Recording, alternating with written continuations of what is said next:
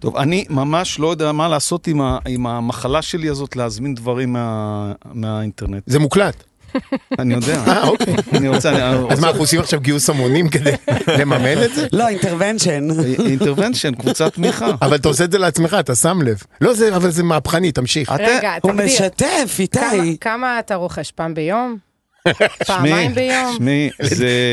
תראי, דבר. במספרים. תן סכום. תראי, תראי, זה כמו אנשים שמעשנים, שואלים אותם כמה אתם מעשנים, אומרים, "אה, חצי קופסה וזה. אני יכול להפסיק מתי שאני רוצה. עכשיו, בדיוק. עכשיו, אני, זה פשוט, זה מחלה. הנה, עכשיו, לפני, עכשיו, זה קופץ לי. כי ברור שזה קופץ. ברור שזה אני, קופץ. כי אני עושה, לכל דבר אני עושה, בטח שאני רוצה לדעת על רכישות חדשות, ברור.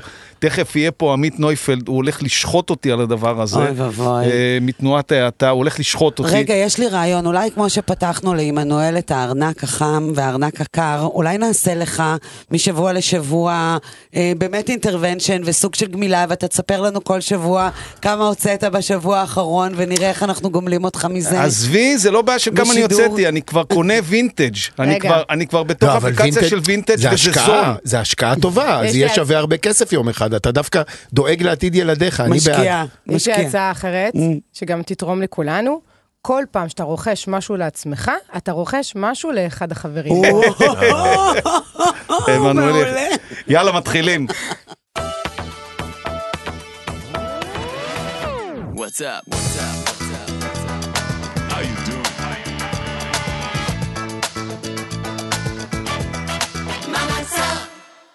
אז שמעתם את סיוון, תמיר, ואת איתי כבר שמעתם, את איתי גלאון ואת אה, עמנואל. אה, לא, סיכמנו שהיא עמנואל, עמנואל זה כמו מדונה. עמנואל אלבאס פלפס. אה, אלבז... איך את לא טועה בשם שלך? לא, היא לא. טועה בשם שלה, היא לא טועה, היא לא טועה. אני- אני זה שטועה, אה, אבל סיכמנו שהיא כמו... אה, כמו... כמו שר. כמו מדונה. אז אמרתי, עמית נויפלד יהיה פה בסוף, בסוף עמית נויפלד מתנועת האטה. אה, לקחתי ככה פרק זמן ארוך בין זה שהוא יגיע לפה לבין זה שדיברתי על, ה, על הקניות שלי ברשת. ולפניו תהיה איריס לאל, אה, נדבר קצת על שכול ויום הזיכרון ועצמאות ומה זה, מה זה משפחה שכולה אה, לא טבעית, יש לה סיפור חיים מאוד מאוד יפה והיא כתבה גם על זה ספר, אבל נתחיל עם דביר, דביר קריב, אהלן אהלן. אה, שאני מכיר אותו מיליון שנה. אה, הוא היה בשב"כ, היום הוא כבר מורה, אה, אבל הוא מבין ברצח פוליטי, לא בגלל שהוא אה, חס וחלילה רוצח פוליטי, אלא כי. הוא, הוא היה ביחידה שיש לה כל מיני שמות, וראיתי שלאחרונה יש לה שם חדש, משהו, לא יודע, אבל בגדול היחידה הזאת מתעסקת בטרור יהודי. יש דבר כזה טרור יהודי, טרור יהודי הוא בעיקר אה, אה, מופנה בישראל נגד אה, שמאלנים, פוליטיקאים, וכשהוא היה ביחידה הזאת, כשהוא היה ב... בשירות הביטחון הכללי, הוא גם היה הבן אדם הראשון שהגיע לתחנת משטרה, כי החוקרים עוד לא הגיעו, זה היה מוצאי שבת. יגאל עמיר שם כבר היה, אחרי שלקחו אותו מכיכר, אה, אז קראו לזה כיכר מלכי ישראל, לקחו אותו, לקחו אותו ל... ל... ל... הוא לפני זה היה במרחב ירקון, אבל כשהוא הגיע לתחנת פתח תקווה, מי שדיבר איתו שם ראשון זה אני, זה נכון. זהו, אז אתה דיברת איתו ראשון. ואני בדרך כלל, אה, כל פעם מתקשר אליו, אה, כשעוד פעם אומרים, יש עלייה באיומים, ויש עלייה באיומים, ויש עלייה באיומים. אז השבוע, אה, וכל פעם שאני מתקשר אליו, הוא מסמס לו, אז הוא אומר, זה עוד לא אותו דבר, זה לא קרוב, זה לא זה, זה לא זה, זה לא זה, לא להילחץ. והשבוע, כשהתחילה ההיסטריה סביב בנט, אה, סימסתי לו, והוא אומר, שמע, שני כדורי אקדח לילדים של בנט הביתה, או אחד לאשתו ואחד לילד שלו, זה כבר עסק רציני. אז אמרתי לו, בוא, בוא, תבוא, תבוא אלינו לדבר בפוד. דבר. כן, זה עסק רציני כי מישהו עשה מעשה, הוא לא רק דיבר, ונגד ראשי ממשלה יש הרבה מאוד אנשים שמדברים, גם uh, שמאלנים קיצוניים, גם ימנים קיצוניים, והטרור אגב הוא טרור, לא רק, uh, אמרת טרור יהודי, זה נכון, יש גם טרור נוצרי, זה כל הטרור הלא ערבי. יש אנשים קיצוניים בישראל, אגב, לא הרבה, אבל יש, uh, וכשהם מדברים זה משהו אחד, זה השלב השני אחרי חשיבה, הם חושבים, זה, זה בסדר, הם מדברים, כל עוד זה לא הסתה ומסוכן זה גם בסדר, אבל כשהם עושים, אז זה כבר לא בסדר, ומה שקרה הפעם, השבוע, זה שהם עושים. מה ההבדל בין אה, לפרסם בפוסט בפייסבוק עם התמונה שלך והשם שלך, צריך לרצוח את אה, בנט, ימח שמו וזכרו כמה שיותר מהר, תורידו אותו מהר, לבין לשלוח כדור אקדח, זה נראה לי בדיוק אותו מעשה, לא? זאת אמירה קיצונית, וזה מעשה קיצוני, וזה בדיוק ההבדל, זה מעשה. בן אדם אסף מודיעין, גילה איפה אשתו של אה, נפתלי בנט עובדת, מצא את הכתובת, הכין מכתב, לקח כדור, ולא רק עשה את זה פעם אחת, עשה את זה פעמיים, זה כנראה אותו אחד, לפי מה שאני מבין, ככה מהפרסומים. אה, וזה מעשה אמיץ הפעם השנייה, כי אתה יודע שאחרי הפעם הראשונה המערכת כבר דרוכה ומחפשת אותך, ואתה עדיין שולח את המכתב השני. בדרך כלל, מי ששולח מכתבים הוא פקה פקה, מדבר, עושה רעש, עושה הרבה אוויר חם, מה שנקרא, אבל זה רק בדרך כלל, יש מקרים חריגים של אנשים שתוך כדי שהם עושים פיגועי טרור הם כותבים מכתבים. כמו מי? Uh, למשל, היה לנו מחבל שקראו לו ג'ק טייטל. 13 שנה, שים לב, מחבל יהודי לכל דבר ועניין, 13 שנה הוא הספיק לרצוח שני ערבים. הוא ניסה פעמיים uh, לפ, לפגוע בשוטרים, כולל מטען צד שהוא עושה לניידת משטרה בירושלים. הוא הניח מטען חבלה ליהודי באריאל, והוא ניסה לפוצץ את פרופסור שטרנל, אם אתם זוכרים, בירושלים. בטח. מטען חבלה בכניסה של פרופסור שטרנל של ביתו, אני הייתי שם שעה אחרי הפיצוץ. אה, שם אגב הוא עשה את הטעות שלו, 13 שנה אחרי הוא עשה את הטעות, הוא השאיר DNA בזירה. 13 שנה הוא ביצע פיגועי כן, טרור? כן, כן, כן, כן, הוא רוצח שני ערבים והוא עשה עוד דברים, ותוך כדי זה הוא כותב מכתבים, הוא כותב מכתבים, הוא כותב כרוזים, הוא שולח מכתבים, הוא ממש, והוא מה שנקרא... אה, מכתבי איום. הוא המפגע הבודד. אין לו שותפי סוד, הוא כותב לבד, הוא שולח לבד, הוא מבצע פיגועים לבד, הוא אוסף מודיעין לבד, אז הוא לא היה פקה פקה והוא שלח מכתבים. אה, אם הוא לבד אז זה יותר קשה. ודאי, ודאי. אם הוא יותר- לבד זה יותר ברוך ברוך אותו. גולדשטיין לצורך העניין, ברוך גולדשטיין היה לבד. החליט לבד שהוא הולך למערת המכפלה ומבצע פיגוע. זה לא יגאל עמיר, יגאל עמיר היו שותפי סוד, היו לו חברים, היו מעגלים. אבל ברוך גולדשטיין זה מפגע בודד. אותו דבר ג'ק טייטל, מחבל יהודי לכל דבר ועניין, שעושה פיגועים ושולח מכתבים, אז זה לא תמיד פקה פקה. ולכן צריכים להבין, עד שלא יתפסו את הבן אדם הזה, מבחינת שב"כ, יש מפגע פוטנציאלי שמסתובב עכשיו חופשי. וזה ההבדל, שכשסימסת לי, אמרתי לך, תקשיב, זה שינוי. יש מפגע. אה, זה מזכיר לי מאוד את ראש החטיבה היהודית, אתה מכיר אותו גם אישית, שאמר יום אחרי הרצח של רבין, הוא אמר, תקשיבו טוב, אתמול בערב היה מישהו שרצה לרצוח את רבין ולא הספיק כי יגאל עמיר הקדים אותו. עכשיו... אנחנו צריכים למצוא את המישהו הזה. זאת אומרת, זה נקודת הנחה, הנחת עבודה, אנחנו לא יודעים שקיים כזה אחד, אבל אני מנחה מרגע זה למצוא את הרוצח שאתמול לא הספיק לרצוח את רבין. זאת הסיטואציה עכשיו, יש פה מישהו שמבחינת השב"כ, עד שלא ישימו עליו יד, יכול להיות שישימו עליו יד, יסתבר שזה חרטטן או חרטטנית, שהחליטו אה, אה, לאיים על, על, על בנט כדי לעשות רעש, מאוד יכול להיות. אבל עד שאנחנו לא נתפוס אותו, לא נדע את זה, ולכן זאת עליית מדרגה. דביר, עצם זה שמפרסמים דבר כזה בתקשורת, גורם למפגעים פוטנציאליים אחרים אה, להיות יותר אה, נועזים, או דווקא מפחיד אותם? אז זה מתחלק לגם וגם. זה כמו ששאלתם אותי מקודם על אה, פוסט, אם מישהו כותב פוסט מאוד מאוד מאוד קיצוני, יש הרבה אנשים שברגע שהם הם כותבים משהו מאוד מאוד מאוד אלים ברשת ולוחצים enter. ברגע שהוא לחץ enter, וואו, השתחרר, נרגע. אבל יש גם את ההפוכים, שברגע שהם יעשו עוד יותר אלים ועוד יותר אלים ברשת, זה ימצא את עצמו וירצו לעלות מדרגה ויהפכו להיות אנשים שעושים בפועל. אז אנחנו גם בהקשר של הפרסום לא יודעים להגיד מה זה יעשה, אני יכול להגיד שזה בהרבה מקרים עושה גם וגם. לחלק כמו- מהאנשים זה כמו מרגיע. פיגועי חיקוי? כן. כמו כן. טרור חיקוי, זה, זה שקורה יהיה נכון. ויכול להיות שאת אה. המכתבים כתבו שני אנשים שונים, ואז נבין שמישהו חיכה מישהו. לכאורה אמור להיות יותר קל למצוא בן אדם ששלח כדורים, כי הוא אמור להשאיר יותר עקבות מאשר מישהו שעומד מאחורי המקלדת וכל מה שאתה צריך זה, זה רק ה-IP. אם הוא יודע להסתיר את ה-IP שלו מספיק טוב, אז בעצם פחות או יותר איבדת אותו. אבל כדור יכול להיות DNA, מאיפה הוא שם את המעטפה, איך הוא שלח, נכון? ו- והכתב, או...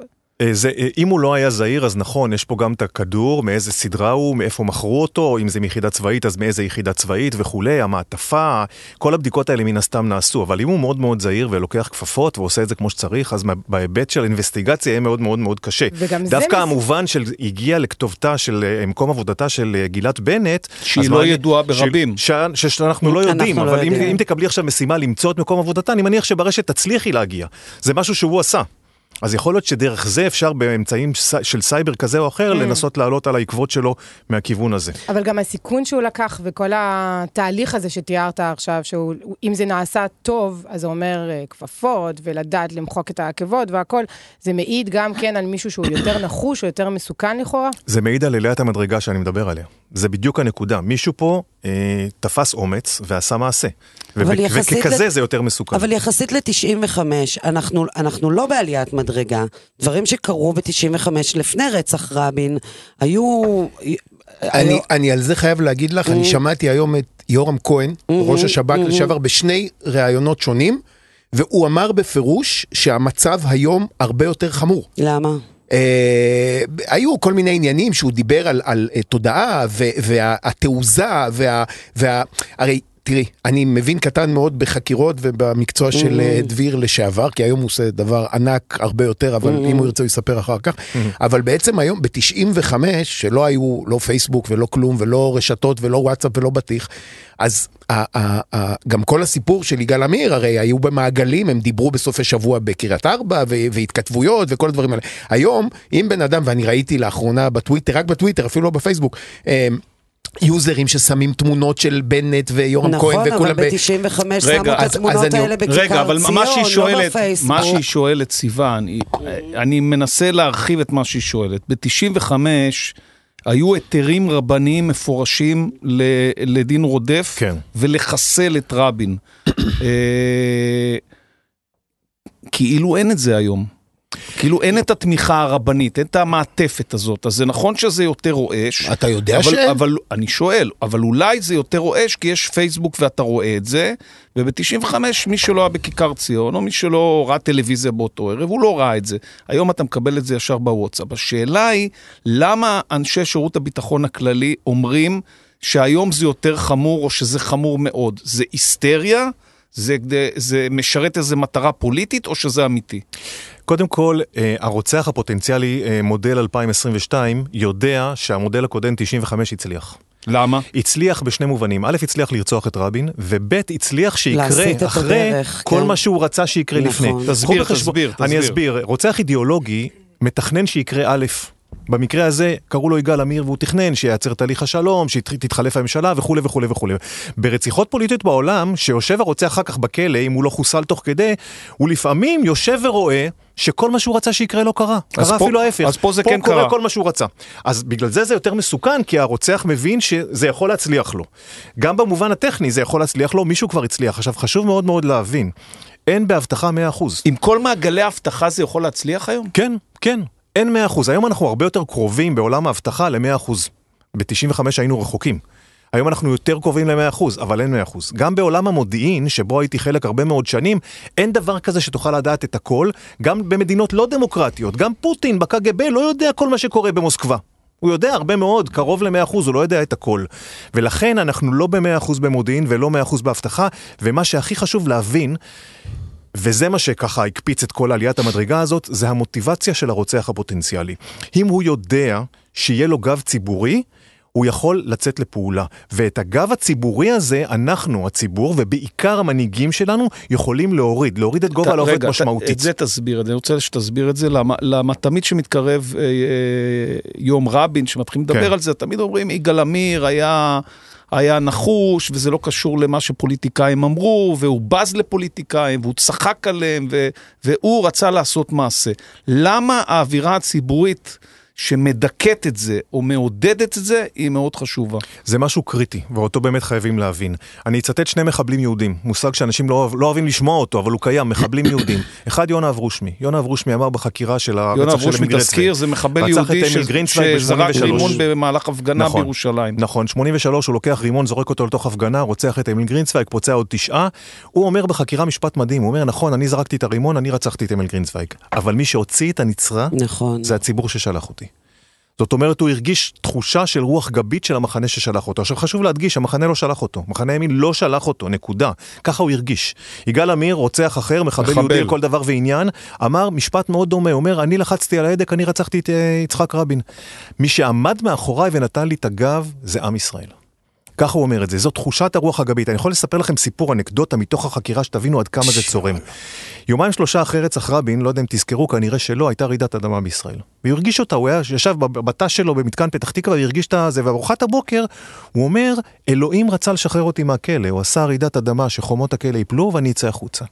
ואז אמרתי לו, תגיד, יגאל, כשאתה תצא החוצה לרחובות פתח תקווה, איך יקבלו אותך ברחוב? רק להזכיר, גיבור. רק להזכיר לצעירים שמקשיבים, אנחנו מדברים על יומיים שלושה אחרי הרצח, אנשים באבל ברחובות, פס, אה, סרטים שחורים על ה, על ה, במכוניות, מה זה, על הרכבים. על הרכבים. הוא אומר, מה זאת אומרת, יקבלו אותי בריקודים ובצהלה? אז אמרתי כן. לו, אתה לא- קצת מתבלבל, תשעה מכל עשרה אנשים בחוץ יקללו אותך. אז הוא אמר לי, אז אני אצא בשביל העשירי. אבל אמרתי לו, אתה לא מבין, העשירי ירביץ לך.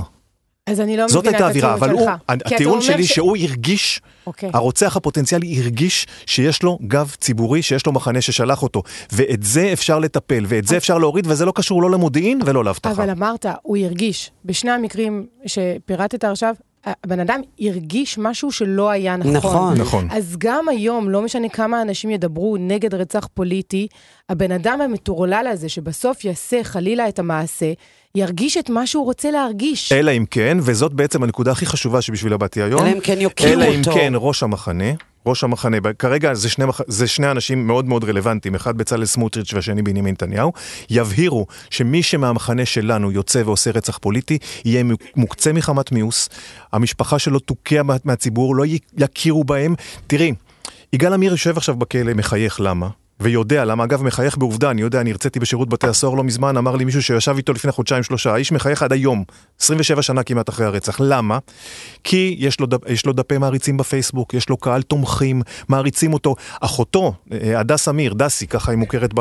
היא השיד... אה, בזמנו הייתה השידוך הכי מפורסם בימין, למה? כי היא ממשפחת, ה- משפחת הרוצח. אז מה יכול להגיד לעצמו איזה מישהו, סתם ככה משולי החברה של הימין הקיצוני, אם אני אעשה עכשיו רצח פוליטי, יהיה לי עמודי פייסבוק, יעללו אותי, יספרו סיפורי לא קונספירציות. סמוטריץ' ולא נתניהו אחראים על כל לא. המעריצים של המטורללים האלה. הם צריכים להבהיר את האווירה בתוך המחנה. הם מנהיגים, אתם חייבים להבין, מנהיג זה אדם שיש לו אחריות.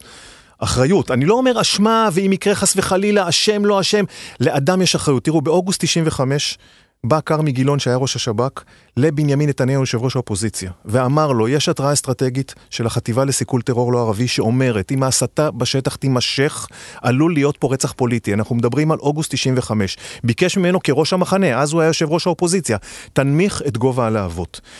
אומר, ויגאל עמיר אומר את מה שהוא אומר, הוא הרגיש שהמחנה היה מאחוריו. מי שיכול לגרום לרוצח פוטנציאלי להבין שהמחנה לא מאחוריו, זה מנהיגי המחנה. ואני מדבר על גינוי גורף, חד משמעי, שלא אבל- משתמע לשתי לזה- פנים, ולא, גי- ולא גמגומים. אבל יש לזה שני צדדים, דביר. אני כן. אגיד לך, אני, אני מבין מה שמנואל אומרת. יש לזה שני צדדים.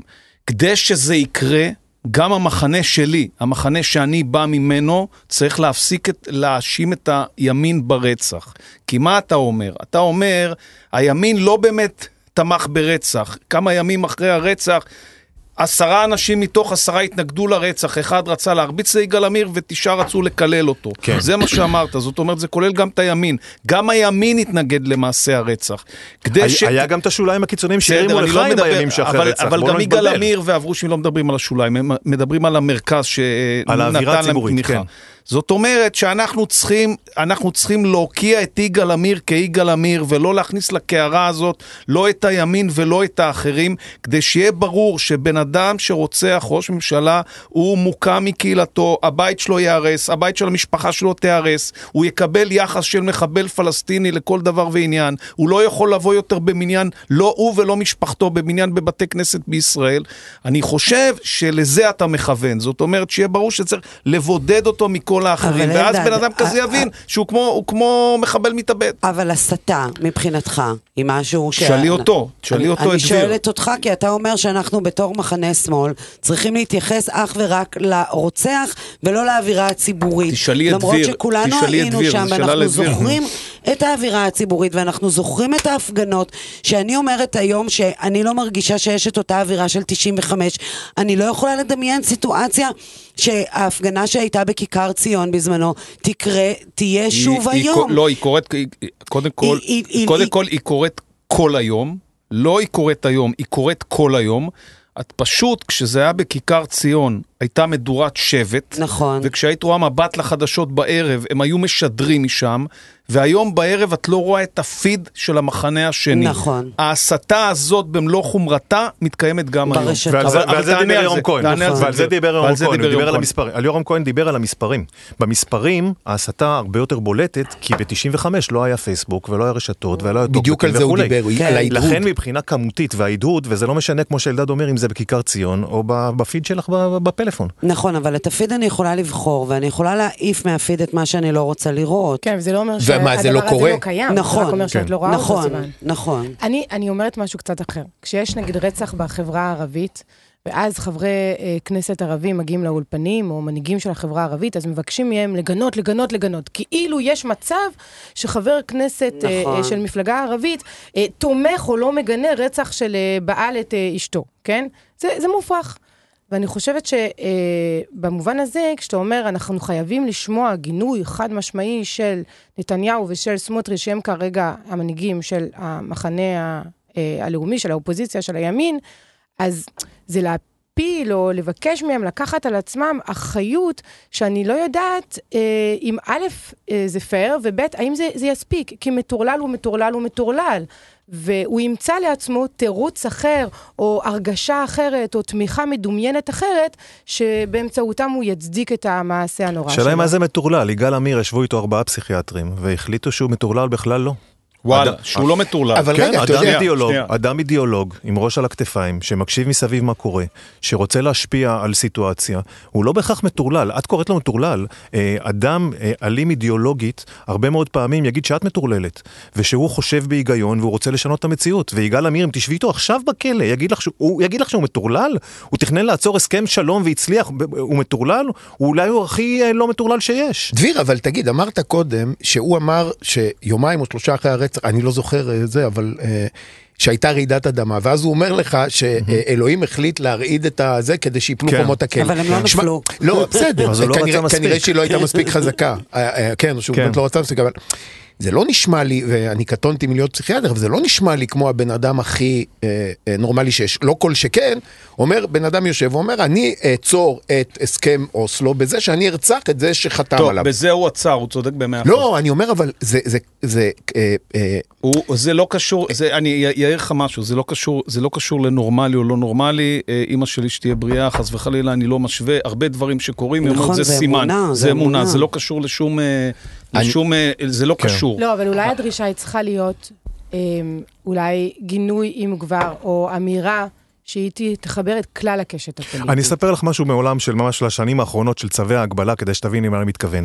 יש כמה חבר'ה ביצהר, שזה מקום מאוד קיצוני, שמתוכו יש אנשים מאוד מאוד קיצוניים שקיבלו צווי הגבלה לכניסה, איסור כניסה ליו"ש, ואז הגיעו שם כוחות צבא, והם זרקו עליהם אבנים, אפילו בקת"בים נדמה לי, כן. בקבוקי צבע, על, על הג'יפים הצבאיים, ואז הגיע ראש המועצה של איו"ש, או איזה אחד הפונקציות הבכירות באיו"ש, עמד מול מצלמה וגינה בכל תוקף את כל זה שאנשים עם צווי הגבלה נכנסים ועושים בלה בלה בלה, ובאמת דיבר נחרצות.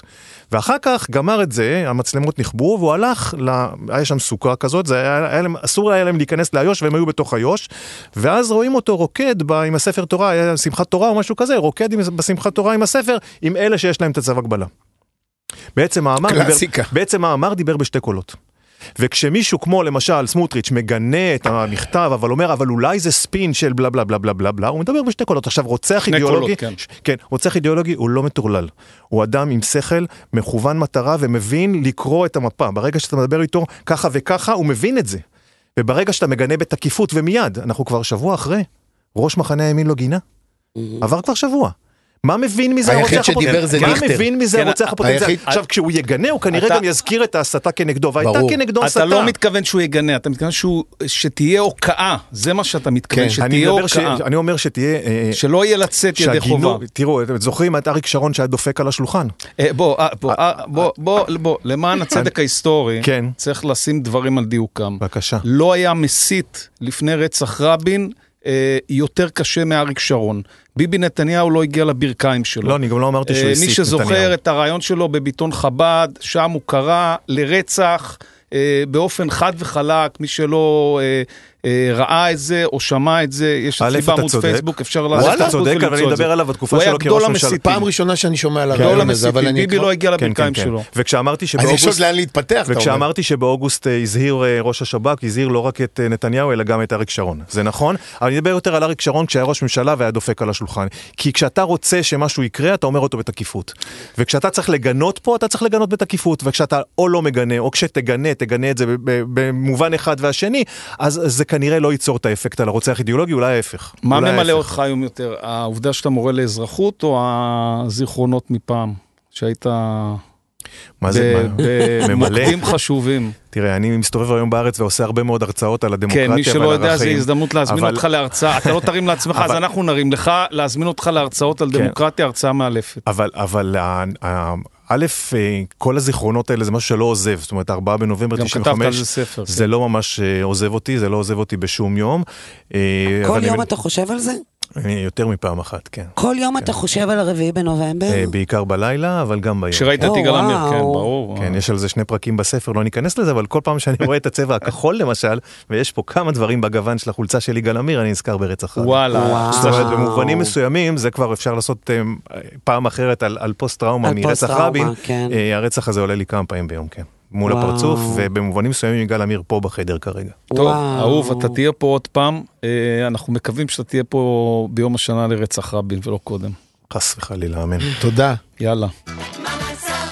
טוב, עם איריס אה, אה, רצינו לדבר מזמן, אה, אבל אה, ככה חיפשנו את ההזדמנות ואני הסתמסתי עם אה, איריס לפני, באופן ספונטני לחלוטין, היא הגיבה על, על איזשהו אה, פרק מאחד הפודקאסטים, ואז אמרנו שאנחנו אה, צריכים לדבר, ורצינו לדבר על משהו אחר, אבל איך שהסתכלתי על לוח השנה, אמרתי, יום הזיכרון ויום העצמאות. והרבה זמן אני רוצה לדבר איתה על הספר שלה. גם הבטחתי לה לכתוב על זה בהרחבה ועוד לא כתבתי על זה. אה, אבל ספר זה לא מאוחר, זה לא כמו עיתון וזה לא כמו מאמר שאם לא כותבים אה, יום אחרי אז, אה, אז זה מאוחר. וזה הזמן, עוד פעם, שאתם תזמינו גם, אתם יכולים להזמין גם מתוכנת עברית. אתם לא חייבים ללכת לסטימצקי, כי סטימצקי וצומת ספרים לא מחזיקים ספרים חודשיים אחרי שהם יוצאים, זה כאילו רק בישראל הדבר הזה. לא העזנו לדעת, זה הספר האחרון שלה מ-2019. וזה ספר, בעיניי הוא מרהיב. למה הוא מרהיב? לא בגלל איך שהוא כתוב, כי לכתוב את יודעת, ולא בגלל שאת מספרת סיפור, אה, את זה גם את יודעת לספר, ואת גם, במקרה זה, למרות שאת אומרת שזה... שה, שזה ספר עצמאי ביחס למציאות, אבל עדיין אתה הדודה המספרת.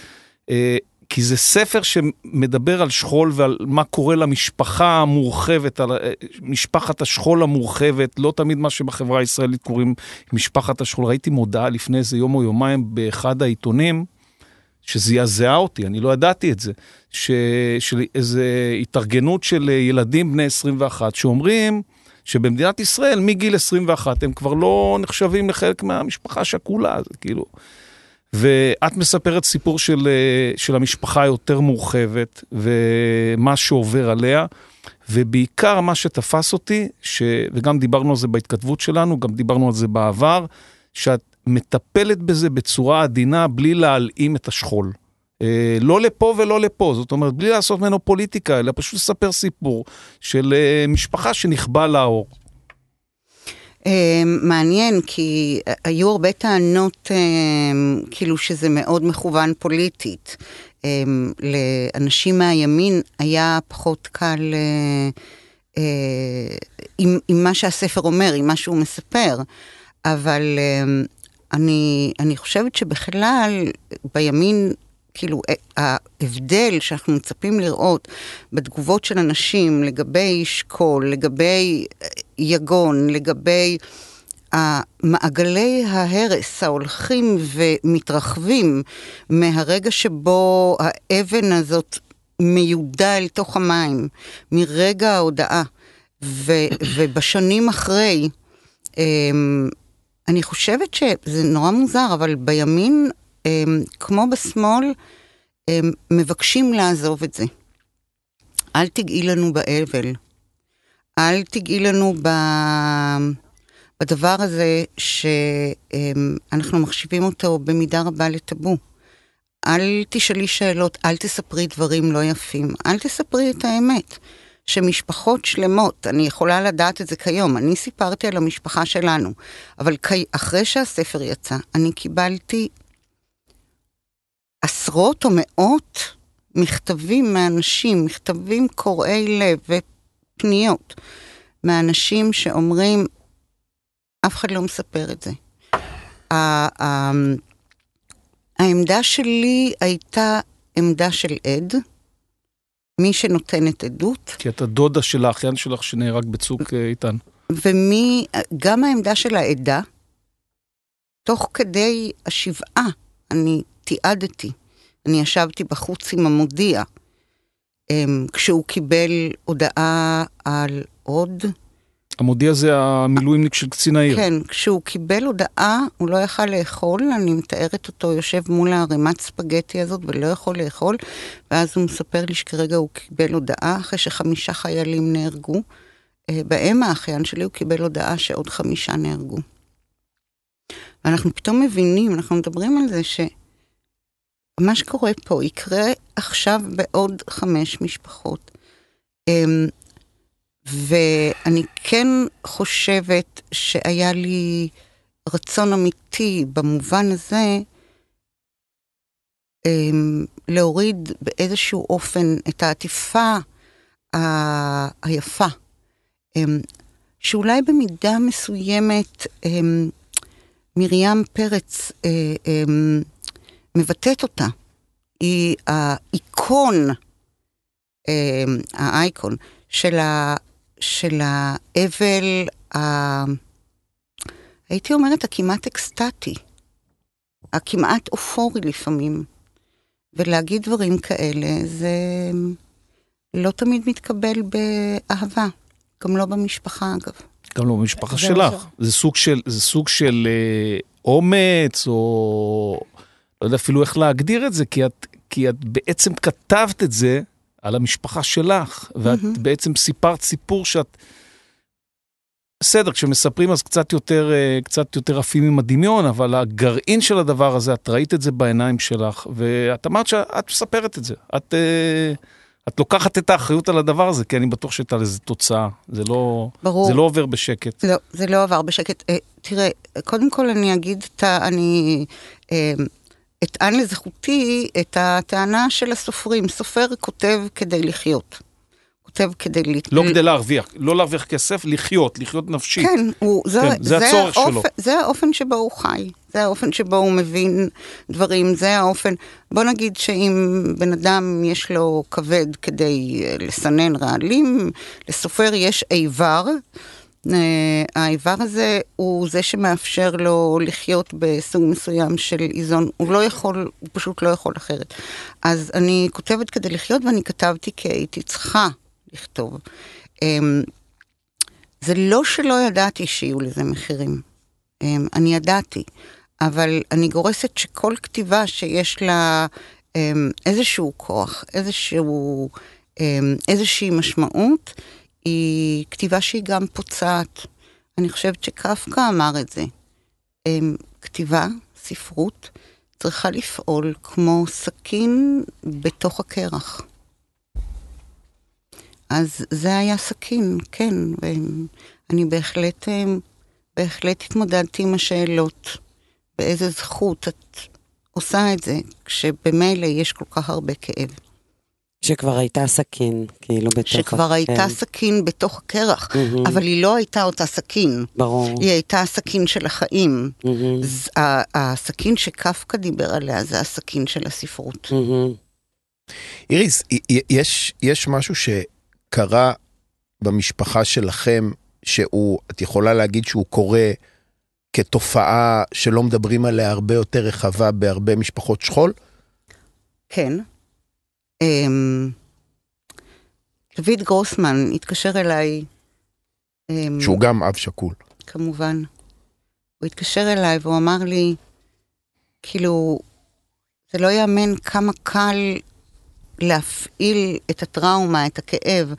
אני יושב וקורא את הספר, והסלון שלי מתמלא באנשים שמבקרים, והכל שוב מתעורר, כשביום יום אמ, גם, אמ, גם משפחות שכולות, גם הורים שכולים, אמ, אחרי כמה זמן לא חיים עם זה בכל רגע.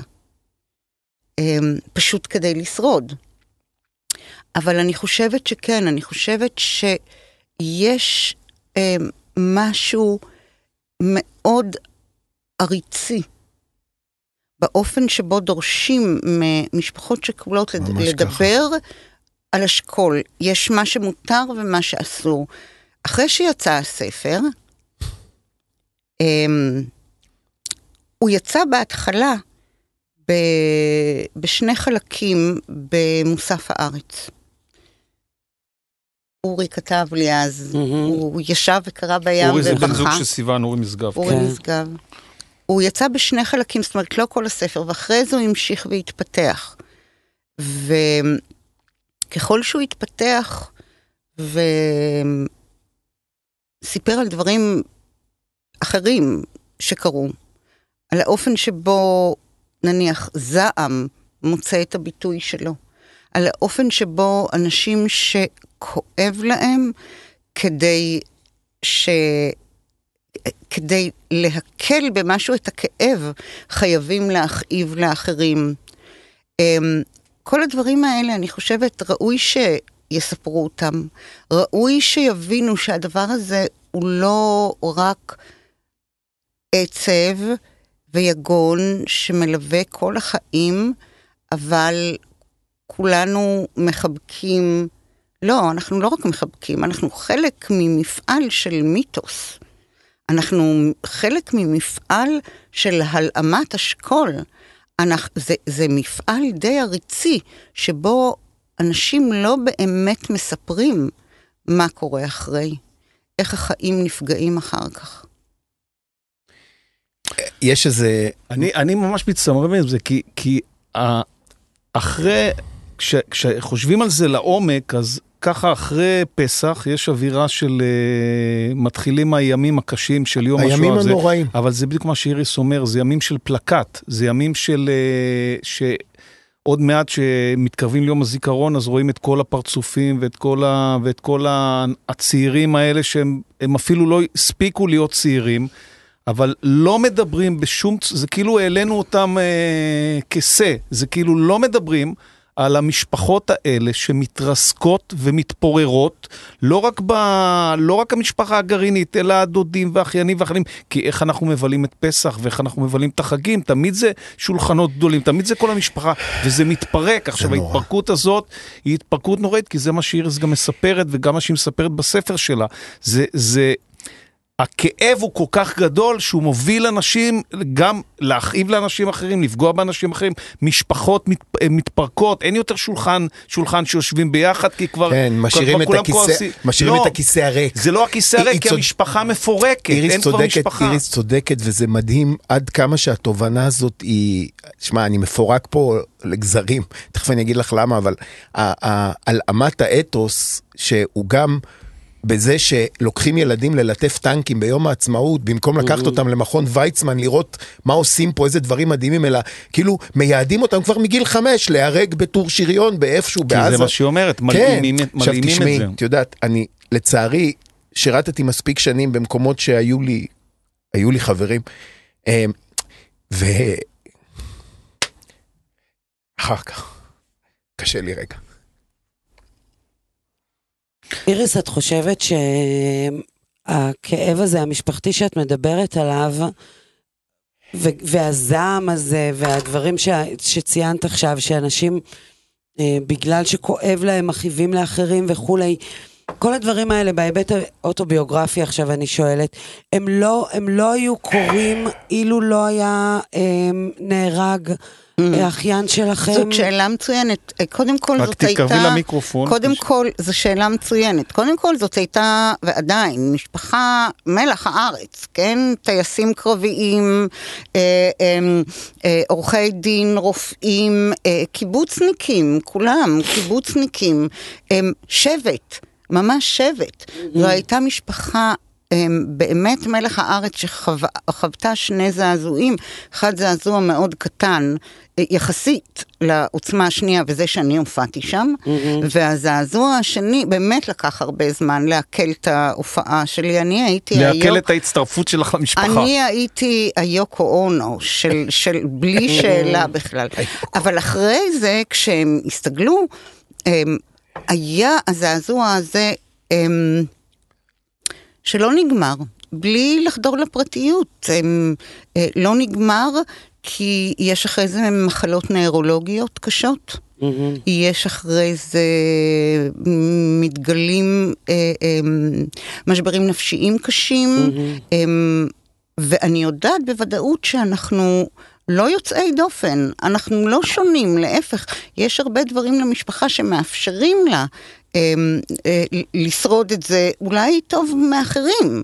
אמ, מעמד ביניים, אה, אמ, תמיכה של הקבוצה אה, שחיים בה. אה, כן, כאילו יש, יש אה, תמיכה של הקהילה, יש, יש אפשר, אבל אמ, אני זוכרת שבערך אה, חודש אחרי שנדב נהרג, נסענו נדב זה להורים... אחיין שלך, כן. נ- זיכרונו נדב. ריימונד, זה האחיין שלי. נסענו להורים של תמיר, ואבא של תמיר, שהוא בן תמיר קיבוץ... זה בן זוגך. בן זוגי, אבא של תמיר, שהוא בן קיבוץ. אמ, אמ, פשוט סיפרתי את זה היום לנורית זרחי, חברתי הקרובה. הסופרת. זה חי, זה, זה חי בי הדבר הזה.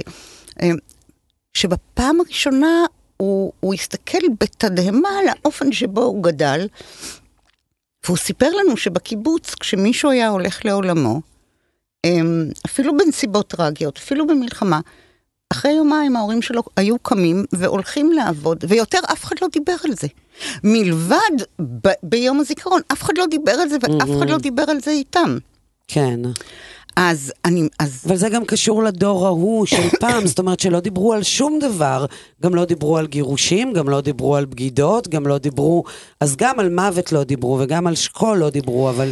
לא, אבל אבל, דיברו לא, על לא, שום אבל מה דבר. מה שהיא אומרת זה משהו אחר, כי במדינה הזאת מדברים על שכול כל הזמן. נכון. זה לא שלא מדברים, יש Mm-hmm. הבדל אם משהו לא מדברים עליו ומחביאים אותו, לבין משהו שמדברים עליו כל הזמן. קדוש. אבל מדברים עליו רק. Mm-hmm. בהקשר מסוים, רק בהירואיות והפרחים שנקטפו, ולא מסבירים ולא מדברים על החורבן שהדבר הזה מותיר. הרגע המצמרר שהיא כותבת בספר, הרגע הזה של הדפיקה הזאת, הרגע הזאת שגרוסמן כתב, אני חושב שני הספרים האלה, גם זה וגם אישה בורחת מבשורה, זה, זה קצת קשה להגיד על משהו, שני, שני אנשים שונים כתבו כדבר שמייצר אה, זוגיות בזה, אבל אני חושב שזה ממש המשך, זה ממש כמו התאום שלו, אה, הספר הזה.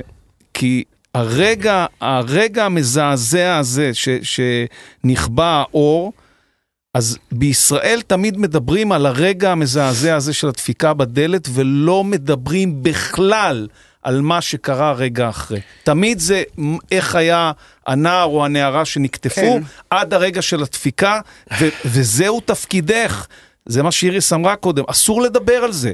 אסור לדבר על ההרס ועל חורבן המשפחות ועל מה שקורה ל- לאחים ולחברות שלא הספיקו להתחתן, או לחברים ולבני דודים ולאחיינים ולאנשים הצעירים. על כל דבר הזה אסור לדבר עליו. אז, אז, אז שם הנקודה, כי אני, אני מרגישה שדווקא על, על ההורים ועל האחים ועל החברות שנשארו, יש דיון בשנים האחרונות, אבל על, על הדודה, על הבת דודה, לא מדברים. וגם לך בטח זה, זה מקום שהוא, גם כי את כתבת, את כתבת את הספר, בדיוק תיארת את עצמך כיוקו אונו של המשפחה, אז אני מניחה שגם זה הוסיף עוד מלפני. עוד, כן, עוד, עוד מלפני. לפני שהיא כתבה את הספר. ההחלטה שלך לכתוב את אני המ- את היוקו הספר, אונו של העולם, למען האמת, שבסוף בסוף אה. מגלים שהיא בעצם הייתה טובה. נכון, בדיוק. אבל גם יש, אה, אני שואלת, הייתה לך שאלה, או אה, לא, שאלה מול אני עצמך, לא לגבי כתיבת הספר, אלא של לגיטימיות הכאב שלך והעוצמה של הכאב שלך מול הכאב של ההורים? מאוד, מאוד. ושלא תביני, לא, זאת שאלה... אני רק אולי אגיד לך למה אני שואלת אותה, בלי להיכנס לפרטים, כי אני חוויתי אותה הפוך כאחיינית. אז כן, אמ, זאת שאלה מאוד גדולה, מפני שבאמת, אמ, בתוך הדבר הזה שהוא כל כך מאורגן בחברה הישראלית, הוא כל כך ברור וזה, יש גם היררכיות. העניין הוא שמוות לא פועל ככה. אמ, ולכן אני מספרת בספר על המתים הקודמים שלי. היו כמה אובדנים מאוד קשים בחיי לפני זה, ופשוט קמתי והמשכתי ללכת. והמוות של נדב היה אמ, כמו סכין בדר, בקרח, ו, וכל כל מי התהום יצאו כמובן. פתאום הייתי צריכה אה, אה, למצוא את עצמי אה, מתמודדת אה, עם דברים שלא הכרתי. אה, יש ממש הפרעות קוגניטיביות אה, באבל. הם לא זוכרים איך לדבר, לא זוכרים דברים. אני, אני מתארת בספר איך אמ, בן זוגי נסע לסטודיו כי ביקשו ממנו, הוא צלם, כי ביקשו ממנו להגדיל כמה תמונות של נדב. אני הייתי צריכה להפריד כביסה לבנה וצבעונית. לא הצלחנו לעמוד בשתי המטלות האלה.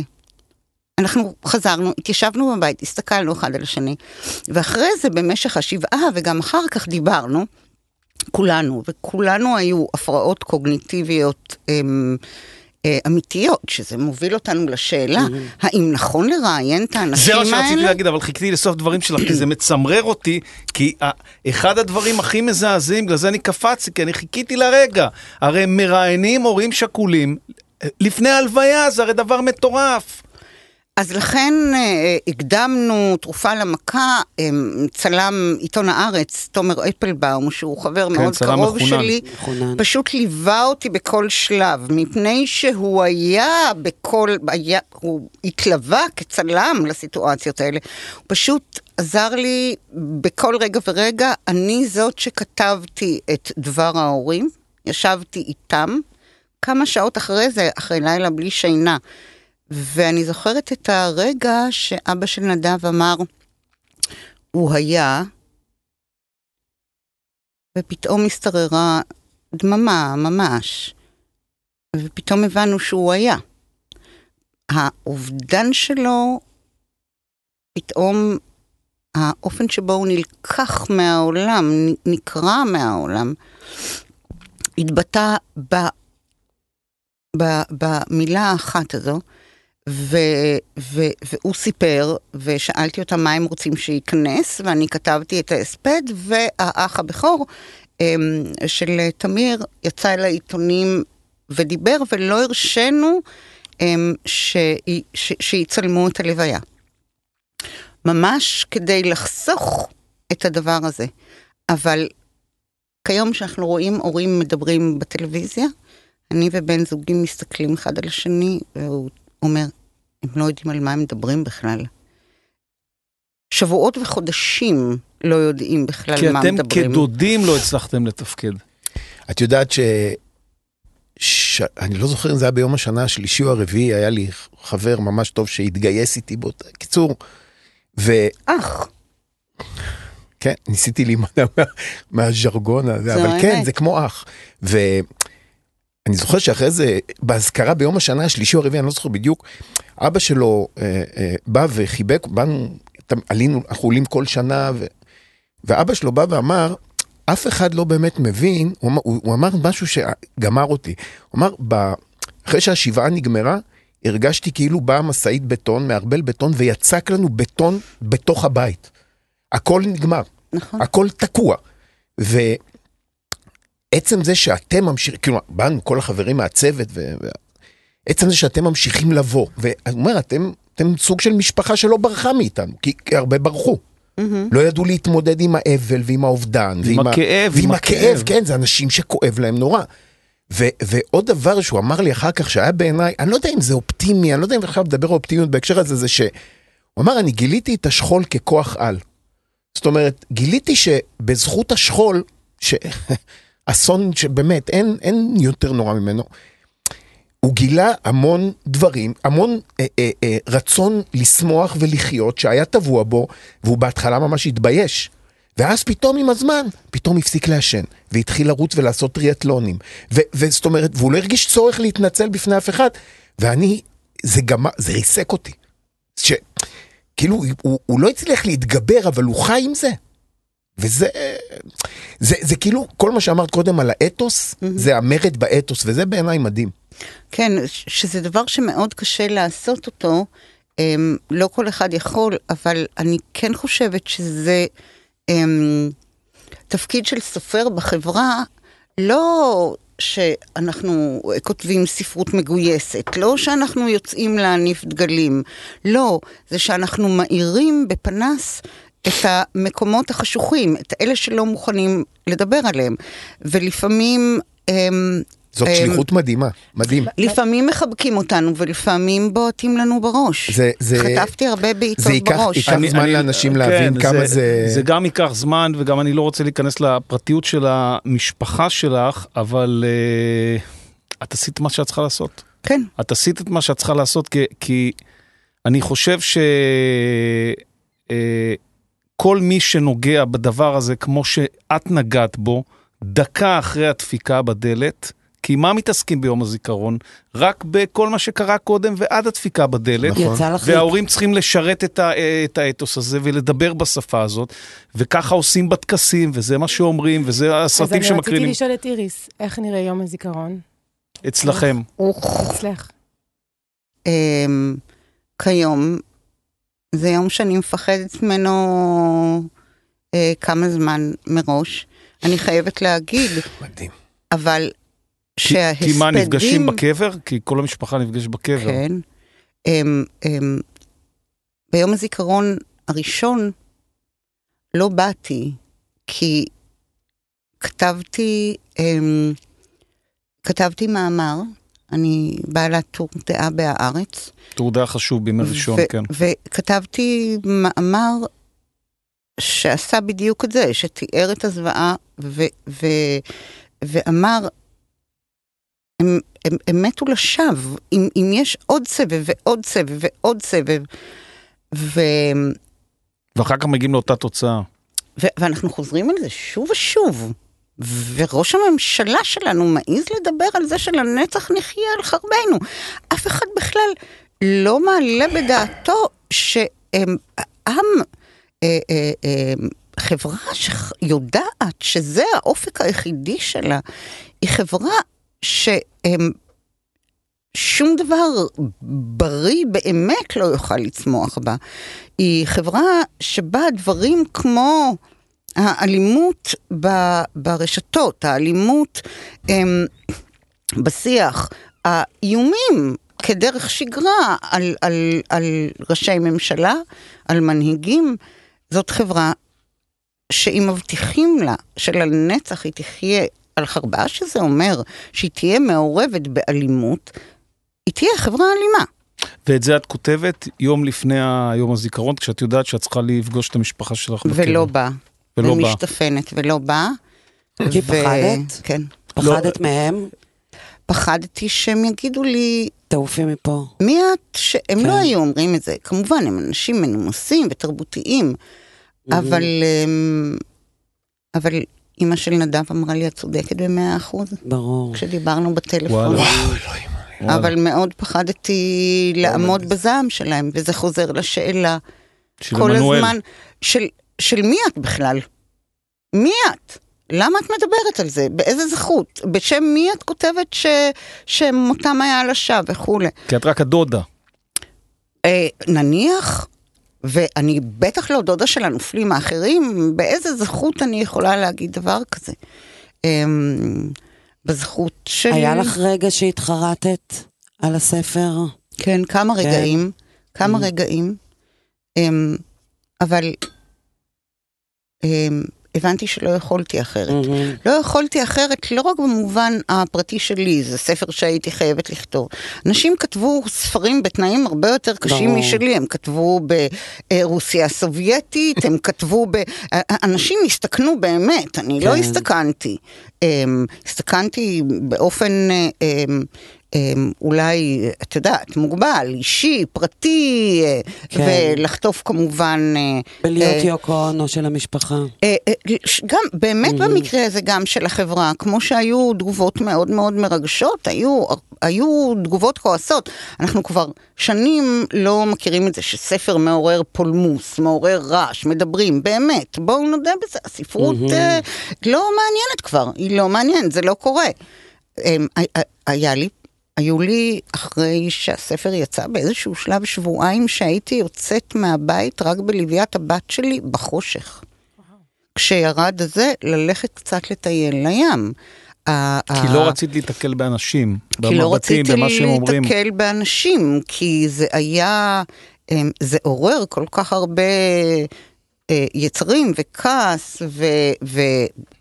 אהבה שאת לא יודעת איך לעמוד בה, ואת חייבת לעמוד בה.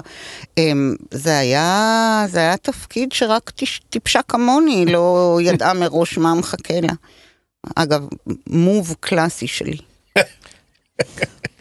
טוב, אני חושב שעשית אה, עשית מעשה מאוד אמיץ. מי שלא קרא את הספר, אה, זה לא מאוחר לקרוא את הספר הזה. זה ספר לדעתי שהוא... שידברו בו עוד הרבה שנים, והוא יעורר פולמוס עוד הרבה שנים. זה חברה שכולם מתנהגים בה כאוטומט. גם אה, משפחת השכול וגם מי שחס וחלילה הוא לא עדיין חלק ממשפחת השכול. אבל את נגעת בדבר שהכי צריך לגעת בו, והכי זכותך לגעת בו, כי זה, זה פירק את המשפחה שלך, לא, לא, לא את המשפחה הגרעינית שלך, אבל את המשפחה שלך, זה חלק מהמשפחה שלך, זה חלק משולחן הסדר שלך.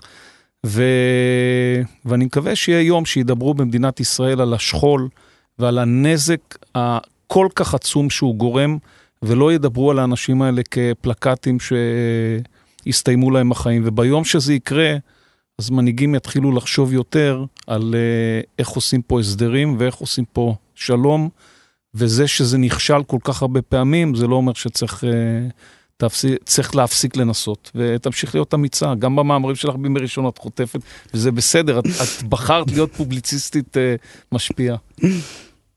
נתראה עוד שנה, לצערי באותו יום. אני מקווה, שאם איריס נתראה קודם, אני לא, לא, כי לא שאלנו אותה את השאלה הכי חשובה, אם היא? כותבת עכשיו ספר.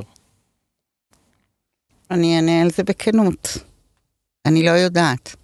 יש שלב כל. כך מוקדם. כן. לא, יש שלב כל כך מוקדם שאת לא יודעת מה זה. כי את כותבת ואת לא יודעת מה יצא אני, מזה. אני אוספת uh, מסות uh, לספר, אבל אתם מתכוונים לפיקשן, uh, לבדיון. מחזמר זה לא יהיה.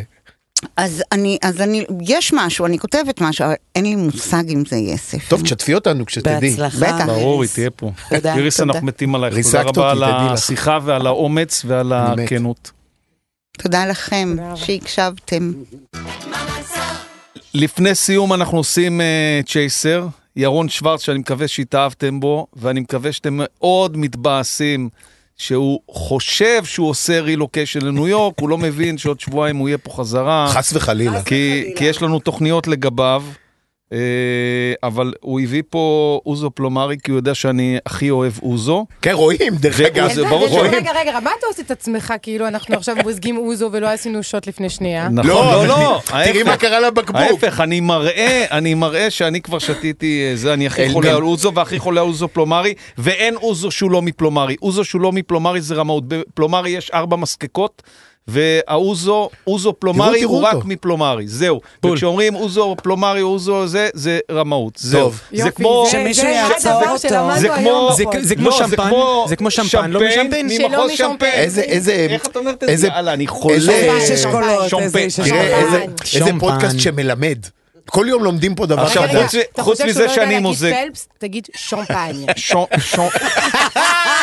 רגע, רגע, פלפס אני טועה, אבל עכשיו, רגע, רגע, שומפניה. שומפיין. טוב, שומפיין. לא רע, לא רע. כן. רגע, עכשיו, אני אספר לכם סיפור. עליה, עליו אה, זאתי, על, מרי אה, לפן דיברה בדיוק על אנשים כמו אלדד. על, אה, על הנסיעה שלך, ש... טוב, אנחנו נפרדנו, אנחנו מחלקים לא, צ'ייסרים, ובשבוע. הבא הוא כבר יהיה דרך סיב אופטי וזה, אבל הדבר הכי חשוב שהוא סיפר לי, אה, הבת זוג שלו, אה, שהם כבר התחתנו וכולי וכולי, היא כבר נוסעת קודם, אבל למה הוא נוסע, נוסע בטיסה נפרדת ממנה? כי הוא נוסע עם הכלב. זה נכון. וכלב גדול, כלב גדול, אה, יכול להיות רק אחד על טיסה, זה לא כלב שלוקחים בתיק, וצריך אה, במשך שבועיים לאמן אותו על אה, הרדמות, כן, נכון? מש- כל מיני משככים כאלה שיירגע. משככים, כי הוא צריך, מה זה לאמן אותו? הוא צריך לו לנסוע רדום. אה, אבל את לא יודעת איזה כדור טוב לו. אה, אה. פעם אמר לי, פעם אמר לי איזה, איזה מרדים באסותא, לקחתי חבר לאסותא והוא רצה לדבר עם המרדים וזה, הוא היה היסטרי, אז אה, נפגשנו עם המרדים של אסותא. אז אה, אמרתי לו, תכיר, זה המרדים של אסותא, הוא אמר, אני לא מרדים, אני מאיר. כי להרדים כולם יכולים, גם אתה יכול להרדים, לא צריך להיות דוקטור. אני המאיר, הבן אדם צריך גם להתעורר. בול. אז... אה, אז איך אה, ניפרד אז ממנו? לא, אבל גם רגע, יש כל מיני הוא דברים. יספר על הכלב, כי אני פעם ראשונה שמעתי את הדבר המזעזע הזה, שצריך לאמן אותו איזה שבועיים, שהוא יכול לקבל חומרים מרדימים, כי שמים אותו בתא המטען של המטוס, והוא צריך בעצם לישון רוב הטיסה, 13 שעות, 11 שעות לניו יורק. כן, אז אתה כן. שבועיים מסמם את הכלב שלך. שבועיים מסמם את הכלב, אה, שזה לא עניין נעים בכלל, אה, כאילו זה שונה בלקחת את עצמך ולתת ל- ליצור שלא מבקש את זה. אה, לא, אבל בכלל, לא כל הכלבים כנראה צריכים לעבור אה, אה, את המסכת סמים הזו. אה, פשוט לנו יש כלב אה, עם אה, אישיות מאוד גדולה, אה, כלב מאומץ, אה, ו... אה, ככה שלמי שמכיר זה כזה שילוב בין אה, כנעני למילנואה. אה, יודע לאכול כלובים, לפתוח אותם, אה, דלתות כנ"ל. אה, אז, אז הרבה עבודה, אה, ואני מקווה שהוא יהיה בסדר. מקווה שנייה, שתהיה אני חייב להבין. אבל אילי, אני אילי, חייב אילי רוצה. להגיד משהו, גם אילי רוצה אני להיפרד. חייב להבין. את- בטעם איתן אמרת שהוא נוסע? איתן, איתן כן. של המטוס. מה? כן. לא ירון, הכלב. הכלב. הלוואי עליי. בטעם איתן של הייתי המטוס. שם אותו כן. בכיסא הוא שלי. הוא הוא- לא, יש- הוא- יש הוא- תרחיש כזה שהוא הוא מתעורר? בתוך כלוב מיועד טיסה, אני במאמר מוסגר, הוא כבר פרץ החוצה מכלוב כזה. אה, לא Jesus. כדאי לך להגיד את זה אתה- לפני. אתה אומר- אתה- זה לא. IATI approved. אתה אומר, רגע, אתה אומר, היום אתם טסים, זאת אומרת, לרפרש ynet אם יש איזה עניין, בדיוק, כיבש איזה כלב שהתפרע בטיסה. טרף את הנוסעים. מה שמו? מה שמו של הכלב? שוקו. שוק? או אה, כפרה? נסיעה טובה לירון, לשוקו ולשרה. אה, תחזרו מהר, ואתם... אה, אבל למה אתה מאחל להם אפשר לחזור להחליף מהר? אתכם בבית בינתיים? אה, כי הלוואי, כי יש לנו. תוכניות לגבי ירון, ולגבי מה שהוא אמר לכם קודם, אז נגיד את זה עוד פעם. לגבי שינוי כל התקשורת הישראלית, יש לו תוכנית גדולה, אתם כולכם תהיו חלק שותפים ממנה. אם אתם רוצים או לא רוצים, אתם לא רוצים, אנחנו נסמם אתכם כמו את הכלב. אה, ואז אה, וזה יעבוד. יאללה, נסיעה טובה. תודה רבה. עוד שבועיים אתה כאן. אנחנו נהיה על הפוד, עוד. שבועיים נראה מה קורה. אני, חייב להגיד לך שבניגוד לאלדד, אני מאחל לך שלא תחזרו אף פעם, כי תעשו כל כך הרבה, תצליחו ב- בכזאת רמה, שאולי הפרצוף שלכם, שלך או של אשתך או של הכלב שוקו יהיה, על ה... יהיה טבוע באיפשהו באיזה מדרכה? ב-LA. הפחד הכי גדול שלי, הוא טס לניו יורק, מה אליי עכשיו? זה ש- לא, אבל שם זה שדירת הכוכבים, אין בניו יורק. אל תצעקי עליי יותר. זה ששוקו יאכל, תעשה מה שהיא רוצה. יאכל, מישהו באמריקה. כולם שיכורים, רק יאללה, אני נסיעה היחיד טובה, ירון. מים. ירון. תצליח אוהבים אותך, בענק. נסיעה תודה טובה. רבה. עמית, עמית אה, נויפלד, מחבר הסר, הספר היסטוריה של מהירות על תנועת ההאטה. אני רוצה להלשין על אלדד, שיושב פה לימיני, שבתחילת הפודקאסט הוא סיפר לנו על ההתמכרות שלו לקניות אונליין. ורציתי לשאול אותך, תמותי אמן, מה כי דעתך? אנחנו- כי אני סיפרתי את זה אני- בהתחלה, אני- אמרתי עד ש- עד שעמית אני יגיע, מאמינה הוא לא יקשיב לזה. בחשיפה, אני מאמינה בכנות, אני חושבת ש intervention זה דבר חשוב, ומעניין אותי, מעניינת אותי דעתו של עמית על אנשים שמכורים לקניות אונליין. מה דעתך על זה? תראי, צריך להיות מכורים למשהו, כן? אבל אם כבר להיות מכורים למשהו, לא, אני אל תהיה נחמד, אל תהיה נחמד, עזוב, למרות שהזמנו אותך וזה. זה הלואו, נכון? זה. הכי נורא לואו. נחו, התמכרות נורא נורא נחותה. נחותה. יש כאילו כל כך הרבה סמים בעיר הזאת, כל כך הרבה אלכוהול, אז דווקא כאילו אני מחבבת את לקניות. עמית. ואני יכול להגיד לכם ש... טוב, אנחנו רחוקים מאוד מחגי קניות, כן? אבל יש משהו שבאמת נורא מצער בהתמכרות הזאת לקניות אונליין, כי אנשים אומרים, כן, אבל זה נורא בזול, ו- ו- ואני כל הזמן אומר זה לאנשים, נורא תקשיבו, מגיע לדלת, ונורא אתה לוחץ. זה נורא ו- נוח, וזה נורא אה, זול, זה אנשים, זה לא. זה לא המוצרים שזולים, אלא זה החיים שלנו שזולים. כלומר, כדי שמשהו יסבסד את המחיר הזול של המוצר הזה שמגיע עכשיו מסין, במטוס או באונייה, יש כאילו את ה... אה, זיהום אוויר ויש את העובדים בשכר אה, רעב שעובדים בעולם השלישי וכל העולם הזה בסופו של דבר עומד להתנקז לנו על הראש. כלומר שאתה יושב ב eBay או ב Alibaba ועושה קליק ועוד קליק ועוד קליק אתה בעצם גוזל מהעתיד של הילדים ושל הנכדים ושל מי שזה לא יהיה. רק כי רצית לחסוך איזה עשרה שקלים או עשרים שקלים יכולת לרדת לחנות חשמל באבן גבירול ולקנות אותם דברים ולפרנס את המשפחה הקטנה והחמודה שמפעילה אותה. ואני אגיד לך, למרות שדיברנו כבר לפני כמה וכמה שבועות, שאתה תוזמן, תנועת ההאטה, אנחנו לא מהירים, אבל קראתי מאמר שלך בסוף השבוע בהארץ, ופעם ראשונה, לא רק שהבנתי מה שאתה אומר, כי הבנתי כל הזמן, אבל ממש התחברתי למה שאתה אומר. אז מה הוא אומר? אני אגיד לך מה הוא אומר. הוא אה, פרסם מאמר בהארץ. רגע, על מה זה האטה קודם כל? אז אני מסביר לך. סליחה. אה, הוא- זה מעניין, אה, אני שמח. כי- אם כי- תסביר טוב אני כי אביא איך אותך אפשר במקומי. להסביר את זה, אבל פתאום הוא מפרסם מאמר בסוף שבוע והוא אומר, אתם משלשלים לא בגלל שטראוס, אתם משלשלים בגלל שאתם בחרתם לשלשל. אפרופו הסלמונלה.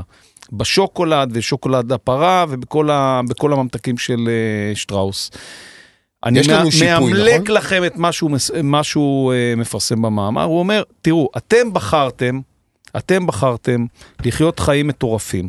אתם בחרתם לחיות חיים שאתם רצים לעבודה שלכם, ואחרי שגמרתם לרוץ מה, מהעבודה חזרה, אתם רוצים לעשות ארוחת ערב לילדים, אבל אין לכם זמן. אתם לא עוברים בשוק וקונים מוצרים טריים, ומבשלים גם במהירות דברים טריים, ועושים ארוחת ערב כמו בני אדם, אלא אתם ישר מחממים משהו שהכינו במפעלים, ואתם מצפים שאנשים שעובדים במפעלים בשכר רעב, וזה שכר רעב גם בישראל, והם לא יכולים לוותר על יום עבודה אחד. הם צריכים לבוא גם שהם אה, מצוננים, וגם שהם חולים, וגם שהם משתעלים לתוך הפס ייצור.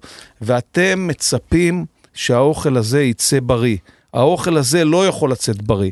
אם אתם רוצים להישאר אנשים בריאים, ואתם רוצים אה, אה, להאכיל את הילדים שלכם באוכל בריא כמו שהאכילו אתכם, אתם לא יכולים לבוא כל הזמן בטענות לשטראוס, ואנחנו אומרים את זה, אנחנו לא ממומנים על ידי שטראוס. אנחנו גם מבקרים את מה ששטראוס עשו. אבל אז הוא, הוא כותב פשוט, תאטו את החיים שלכם, אם לא תאטו את החיים שלכם, ואם לא תצאו בזמן, ותעברו בשוק, ותקנו, ותקנו מוצרים ותבשלו, ועמנואל מאוד תאהב את זה, כי אני הייתי בפריז לפני כמה שבועות, ואמרתי לעמנואל שהתאהבתי מחדש בפריז. כי שם זה לא משנה כמה... שם תנועת ההאטה נולדה. שם, האמת שבאיטליה, אבל בסדר. למרות אירופה, בוא נגיד שבאיטליה, שבאירופה. אבל זה- הם, הם. מעתיקים את זה, הם עדיין מעתיקים את זה, זאת אומרת, הם עדיין אה, עושים, אה, באיטליה זה אפריטיפו, ובצרפתית אני לא יודע איך אומרים את זה, אבל שותים את הצ'ייסרים לפני ארוחת הערב, ואז חוזרים אחרי שהיינו בשוק. אפריטיף. אבל יש, אפריטיף, יש גם. אה, אה, ממש קונים אה, מקומי, ויש חשיבות ל... ל- למודעות לצריכה שלך. אז- ומאיפה אז מגיע אולי הבשר תיתן לנו ומאיפה רגע. באמת את זה, אני- אני- אני- אני בריף. קודם כל בואו תן ניתן לנו לכם בריף. על מה זה בכלל תנועת האטה, כי תנועת האטה זה באמת הרבה יותר מאשר רק מזון, זה נכון. שחוץ מזה שכתבת על הספר, כמו, ש... אה, כמו שסיוון אמרה, ההיסטוריה של אה, מהירות, נכון. אתה מאוד מאוד מאוד מקדם את זה.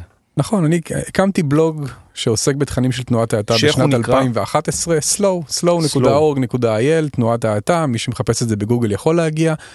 אה, למעשה הבלוג בתור, התחיל בתור איזושהי חוויה אישית שלי, כלומר ניסיונות של האטה על עצמי, שהחלטתי לשתף את הציבור הרחב, מי שימצא בזה עניין. מה זאת אומרת, היית משוגע כמוני שמזמין ברשת? תראה, וכאלה? אני לא הייתי מזמין ברשת, אני הייתי הגרן והאספן שקונה כל הזמן בשווקי פשפשים. אני כבר הייתה חולה עליך. המחלה שלי, אני כבר הבית שלי היה. כמו מוזיאון אחד גדול. אני כבר חולה עליך, הייתי וליאור הבת זוג שלי הולכת להזמין אותך כדי לבקש ממך לטפל בי, להעיף את הדברים האלה מהבית. אז הייתי נורא נורא קשור לכל החפצים שלי, ולמרות שחשבתי שאני צרכן מודע, כלומר כי אני קונה הכל יד שנייה וכדומה, אז בסופו של דבר הייתי שבוי מן המניין של תרבות הצריכה, והחפצים היו אמורים להחצין את האופי המיוחד שלי ולזעוק את אושרי, ושכל מי שבא אליי הביתה, שבו לא מדובר בעשרות אלפי אנשים בשנה, אלא בשניים שלושה חברים שבדרך כלל כבר יודעים מי אני, הם אמורים כאילו נורא פשוט כזה להתעלף כל פעם שנכנסים לילדים. והיה איזשהו תהליך של השתחררות מכל המנגנונים שכובלים אותנו לחפצים, אני לא אכנס פה לזה, אני כן רוצה רגע לתת ככה, ב- גם בגלל השאלה שעלתה פה, מה זה בעצם האטה, להסביר שתנועת האטה אמנם התחילה בשנת 1986 עם slow food באיטליה, אבל מאז היא שלחה זרועות לכל תחומי החיים, ולמעשה היום תנועת האטה היא ממש תנועה שמבקשת להוביל איזשהו מהפכה תרבותית נקרא לזה כך, באופן שבו אנחנו מנצלים את המשאב היקר ביותר שלנו עלי אדמות, שזה הזמן שלנו. והיא באמת גורמת לנו אה, לערער ב-A ולערער בעין על כל מיני רעיונות שבעצם השתלטו על התרבות המערבית, שעבודה זה דבר נורא נורא חשוב ושקריירה זה משהו שבאמת כאילו מגדיר את קיומנו, מעניק לנו משמעות ושווה להקדיש את רוב זמננו ומרצנו אליו, וכמובן שאת ההצלחה שלנו בקריירה אנחנו צריכים להחצין באמצעות שלל אה, מותגים וחפצים וחומרים, מכוניות יוקרה, שעוני יוקרה, העטים הנכונים, החליפות הנכונות. והיא בעצם מבקשת מאיתנו לחזור וליהנות מהדברים הפשוטים בחיים, ולהפסיק את המרדף הבלתי פוסק הזה אחרי עוד, ואחרי האמונה באמת שהאושר, כמו שהפרסומות מבטיחות לנו, נמצא ממש מעבר לרכישה הבאה. נכון, פעם בעזריאלי היה כזה שלט ענק של כמה קל להיות מאושרים, ורואים כזה וואו, מישהי זה יוצאת היה- עם מלא שקיות קניות. זה היה נורא. אני, אתה יודע מה? אתה נשבע לך שרציתי לדבר איתך על זה, כי אני הייתי הרבה שנים חלק מתעשיית הפרסום. עכשיו, עשיתי בכיף חיים משוגעים, באמת, תעשייה מדהימה, אבל אני זוכר, אני שם מדי פעם, מדי פעם אני שם לב לדברים שאני אומר, תשמע, לא יכול להיות שאתם עושים את זה, וזה היה אחד מהם. כמה קל להיות מאושר, תשמע, זה, זה פוגעני בכל מידה, אבל תשמע, עזוב אותי, אני תרח, יושב פה אילי דגני, שהוא ילד בן 12 וחצי, אה, עשית כבר בר מצווה? משהו כזה, כן. תקשיב, אצלך, אצלכם זה אל שונה. תיתן לו לזלזל בך ככה. להפך, אני מעריץ אותו, אני רוצה... מחמיא לי, ש- זה מחמיא לי. כשאני אהיה קטן אני רוצה להיות כמוהו. אני, אבל כשאתה תהיה אצלכם... גדול, אתה מתכוון. אני כבר גדול עכשיו. אה, אה, אה, מכמה שיחות שניהלנו אתה ואני, זה עד כמה שזה נשמע משוגע, אצלך ואצל החברים שלך זה אחרת, זה לא... זאת אומרת, יש איזה... יש איזו התכנסות בעניין הזה, זאת אומרת, אתם מתנהגים אחרת. אה, אני לא יודע אם בדיוק מתנהגים אחרת. אני יכול להגיד לך שיש לי חברים שמזמינים יותר, מזמינים פחות. אני באופן אישי לא כזה... למרות שאתה אמרת פה, נדמה לי, לא זוכר אם זה היה עם נועה מנלה, שאמרת שאנחנו לא עובדים יותר נכון. משלוש או לא, זה ארבע גם לא משמרות בשבוע. שאמרתי, אבל אה, כן, זה היה באותה שיחה, שהייתה שיחה גם סופר מעניינת. אה, אני חושב ש... אה, ב- בהקשר של הצריכה, אנשים שקונים יותר, אנשים שקונים פחות. אני, הסיבה שאני לא מזמין הרבה באינטרנט, זה לא שאני לא אה, קונה וצורך, הסיבה שאני לא מזמין באינטרנט היא כי אני גם נהנה מחוויית הקנייה וללכת לחנות ולהיות באינטראקציה עם המוכר שגם קצת מבין על מה הוא מדבר וכזה. אה, אז אה, זה לא שונה מדי. אה, סליחה, זה לא מצולם, אבל נראה לי שאילי, כל פריט שיוש- שיושב עליו כרגע, הוא חשב אבל עליו אני היטב. דווקא- אני נכון, דווקא- אבל זה לא אומר שהוא צורך, את יודעת, סליחה שנייה, הילדים שלי שהם בגיל של אילי והם גם חברים שלו, והחברים שלהם, כשאני נוסעת לחו"ל ושואלת אותם מה לקנות לכם, הם אומרים, אנחנו לא מרשים לך לקנות לנו בגדים שעולים יותר משני יורו. בבקשה. והם מכריחים אותי ללכת לשווקים של יד שנייה, ואסור לי לקנות להם בגדים יד ראשונה. אני דווקא, אבל- שהשאלה הזאת, לא, מה לקנות אני קצת לכם שונה שטסים. לחו"ל, זאת שאלה מעוותת ישראלית נכון, לגמרי. נכון. אתה טס לחו"ל, במקום שאנשים יגידו, וואי, תנוחי, כן, תהני. תבקרי, תלכי ברגל, תטיילי, תלכי. למוזיאונים. איפה את אוכלת ומה את קונה. די. כן, אבל, אבל לא, מה, שעמית, אני- מה אני- שעמית אומר, כן. עמית אומר, עמית אומר משהו אחר. עמית, אה, זה בדיוק השיחה, השיחה שלי ושלך, עמנואל, לפני שבוע בפיקוק, שזה בר בתל אביב, מי שלא מכיר, ואז דיברת על, ה, על הקושי שלך כמפרנסת ראשית במשפחה, עם הזמן. שהזמן, שזה בדיוק מה שעמית אומר, שהזמן זה המשאב הכי יקר שלך, שאת עיתונאית, שאת רוצה להתקדם בקריירה שלך, יש לך קריירה מאוד מאוד מרשימה, מאוד מגוונת, כמעט בכל uh, סוגי התקשורת ובכל ה... וכמעט בכל המערכות. ואז אמרת לי, בצדק, אמרת לי, אני גם אימא ואני גם בת זוג, והזמן שלי זה המשאב הכי יקר שלי, וזה מה שעמית אומר בעצם. עמית אומר, אם אנחנו מבינים שהזמן שלנו הוא המשאב הכי יקר והכי הכי מתכלה, כי בעצם אנחנו חיים ומתים, זה רק עניין של זמן, אז צריך לנצל את זה בצורה מקסימלית, נכון? אז זה מה שאתה זהו, בעצם שנייה, אומר. המילה מקסימלית היא מילה מאוד מטעה פה ואני חייב רגע לעשות סדר בכמה דברים. כן? תעשה. כי אני רוצה למצות אותה במילה, במובן המינימלי לצורך העניין, בסדר? כי נניח שרגע דיברנו עכשיו על אה, חפצים, אז תנועת הייתה תגיד לך מינימליזם, אבל אז יגידו לך כן, גם יש מלא מחקרים שמראים שבאמת חפצים לא תורמים לנו לאושר וצריכה של חוויות. גורמת לנו לאושר הרבה יותר בר קיימא. ואז אנשים אומרים, אוקיי, אז אני רודף אחרי חוויות כל הזמן, אני כל סוף שבוע טס לכדור פורח ולטיול שם ולסוף שבוע בפראג, אני צובר חוויות, אבל... ואז זה גם, זה יותר מדי, כלומר, תנועת ההאטה תגיד לכם, קודם כל תעשו פחות. וזה לא משנה כרגע אם זה מינימ, מינימליזם חומרי או משהו שאני אוהב לדבר עליו בשנים האחרונות, בגלל שאנחנו באמת בעידן של התפוצצות של תכנים, מינימליזם מחשבתי, אנחנו צריכים גם לבחור אה, לכמה מידע להיחשף. תחשבו שאנחנו כל הזמן, מאז שהתחלנו לסיים עם הסמארטפונים, כמו העניין של 15 שנה, מאז שסטיב ג'ובס השיק, השיק את האייפון 1 בשנת 2007, פתאום כל אחד מאיתנו מסתובב בכיס שלו עם איזה מחשב רב עוצמה, הסמארטפון במקום הסיסמה היפה של נוקיה של People, אה, הפך להיות יחידת התוכן המרכזית שלנו ואנחנו צורכים מידע בכל מצב בחיים. אנחנו צורכים מידע שאנחנו רוצים לרוץ, שאנחנו מקפלים כביסה, שאנחנו מבשלים, כשאנחנו נוהגים. אה, באמת, כל עוד אנחנו בהכרה, אני בטוח אגב שיש אנשים שצורכים מידע גם כשהם לא בהכרה, כשהם ישנים, כי מאמינים שזה מעשיר את עולמם באיזושהי צורה. ואז אתה אומר, רגע, רגע, שנייה, ואני רק אשלים את הרעיון, כי האנשים לא מבינים שהאיים האלה של השעמום, של החלימה בהקית, של הרפלקסיה, הם חשובים לנו לא פחות ואולי אפילו יותר מאשר כל תוכן שאנחנו צורכים. אז אם אנחנו במרדף בלתי פוסק אחרי החוויה הבאה, אחרי הספר הבא, אחרי הפודקאסט הבא, אחרי ההצגה הבאה, לא משנה אם זה התרבות הכי גבוהה שתהיה, אתם כל הזמן בתהליך של השתפרות ו- ולימוד והתייעלות, אתם בעצם פוגעים בעצמכם כי אתם לא נותנים לתוכן הזה, בדיוק כמו מזון מהיר אגב, להתעכל כמו שצריך, אז- אז ולשקוע אז איך- המקום בוא- בוא- הנכון.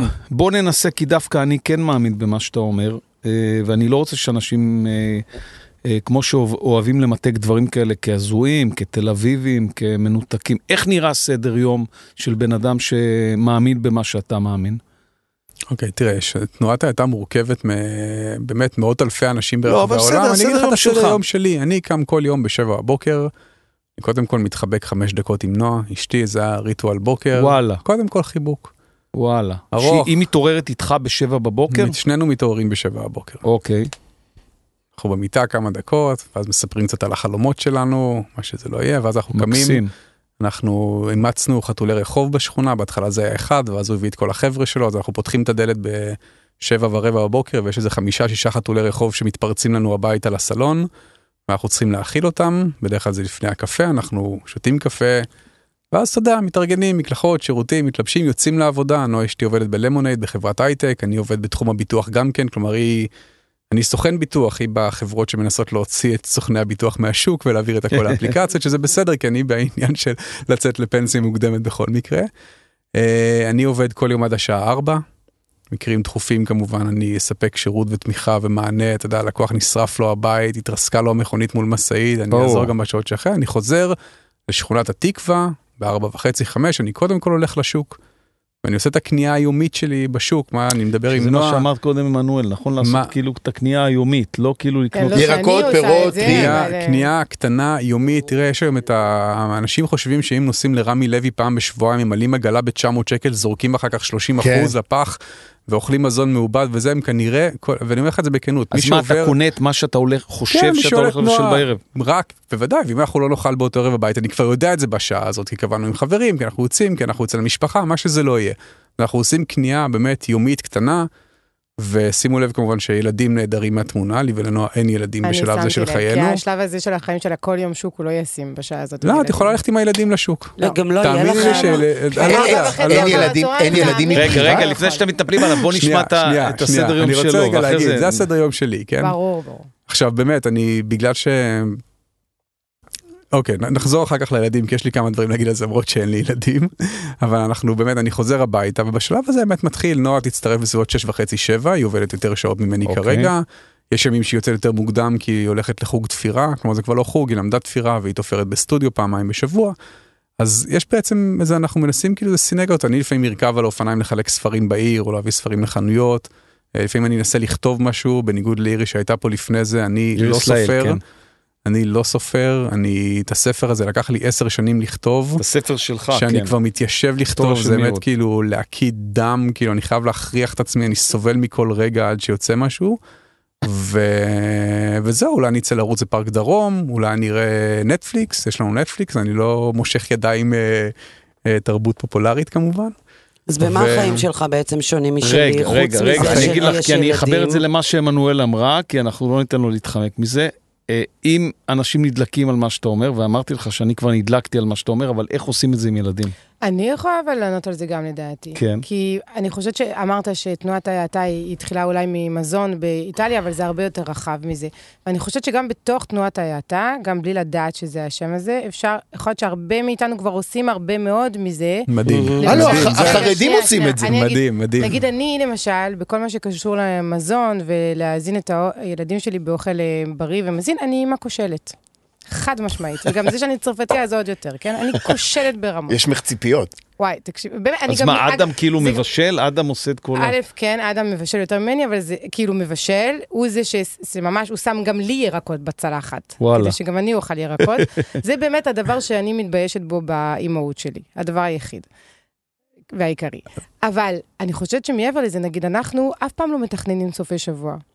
אבל אנחנו יוצאים מהבית, ובא לנו להיפגש עם חברים נפגשים, ולא מסתדר עכשיו כי זה מלחיץ, אז עזוב, זה סוף שבוע, לא צריך להילחץ. אז זה תנועת ההאטה, זה בדיוק מה זה- שהוא אומר. אז אני חושבת שאצלי, זה- אני אגיד מה לפחות איך הנוסחה, אני לא ידעתי שקוראים לזה תנועת ההאטה, אבל אני קוראת לזה לנסות ו- ולהיות ברגע, ב- ב- ברגע, להיות ליהנות. נוכחים, להיות נוכחים בהווה, כן. ובדיוק. אז תקשיב, זה א', זה מדהים, כי זה אחד הדברים שאני הכי אוהב להגיד לפעמים, שאני בהרצאות או מדבר עם אנשים, הדבר הכי יפה בתנועת האטה זה שיש לה כל כך הרבה חברים שלא יודעים בכלל על עצם קיומה. שהם לא יודעים שהם לא בתנועת יודעים שהם. לא יודעים שלא שמעו על תנועת האטה בחיים שלהם, ובאמת תנועת האטה זה משהו נורא מודולרי, כלומר, אני יכול לדבר עם הייטקיסטים שיגידו לי, תשמע, אני מת על החיים שלי. אני אוהב לעבוד 14 שעות ביום, אני אוהב לטוס כאילו כל סופי שבוע לפגישות, אבל מה, באוכל אני מת פודי מושלם, אני אזמין מהארגז הזה, מהחקלאי הזה, והביצים שלי זה רק ביצי חופש ובשר פעם ב מחי בריא וכדומה, כי הם נורא נורא מדקדקים בדברים האלה של slow food, וזה בסדר גמור. אני למשל לעולם לא אבוא לאדם שטוב לו בחיים, מה שחי במסלול המהיר וטוב לו, אני עובד 14 שעות ביום, אני מת על מקדונלדס, אני קונה רק ברמי לוי, אבל אני מאושר, אני אומר בסדר, אני לא בא לאנשים מאושרים ואומר להם, אתה חי בתודעה כוזבת, אתה בעצם סובל, אתה חייב לצאת מהמטריקס, לא. יש מספיק אנשים שרע להם. אז בוא קודם כל נתחיל איתם, כלומר, האנשים האלה שסוחבים את הכאב בצד, ואת הכאבי בטן, ואת הכאב בעורף, והעייפות כל הזמן, ואת הלחץ המתמיד הזה, שאלת כאילו מה ההבדל בין החיים שלי לחיים של אחרים. החיים שלי, טפו טפו טפו, רוב הזמן נטולי לחץ. אני לא מרגיש שאני כל מדהים. הזמן חייב להיות במקום הבא, ואני לא חייב לרוץ, וזה בסדר אבל אני גמור. רוצה לשאול אותך משהו. כקיבוצניקית לשעבר, אצלנו בקיבוץ, ונראה לי שבעוד קיבוצים היא- אחרים... היא- היא היא לא דוגמה לקיבוצניקית לשעבר, היא מקיבוץ עין גדי, זה נכון. הקיבוץ הכי יפה בארץ.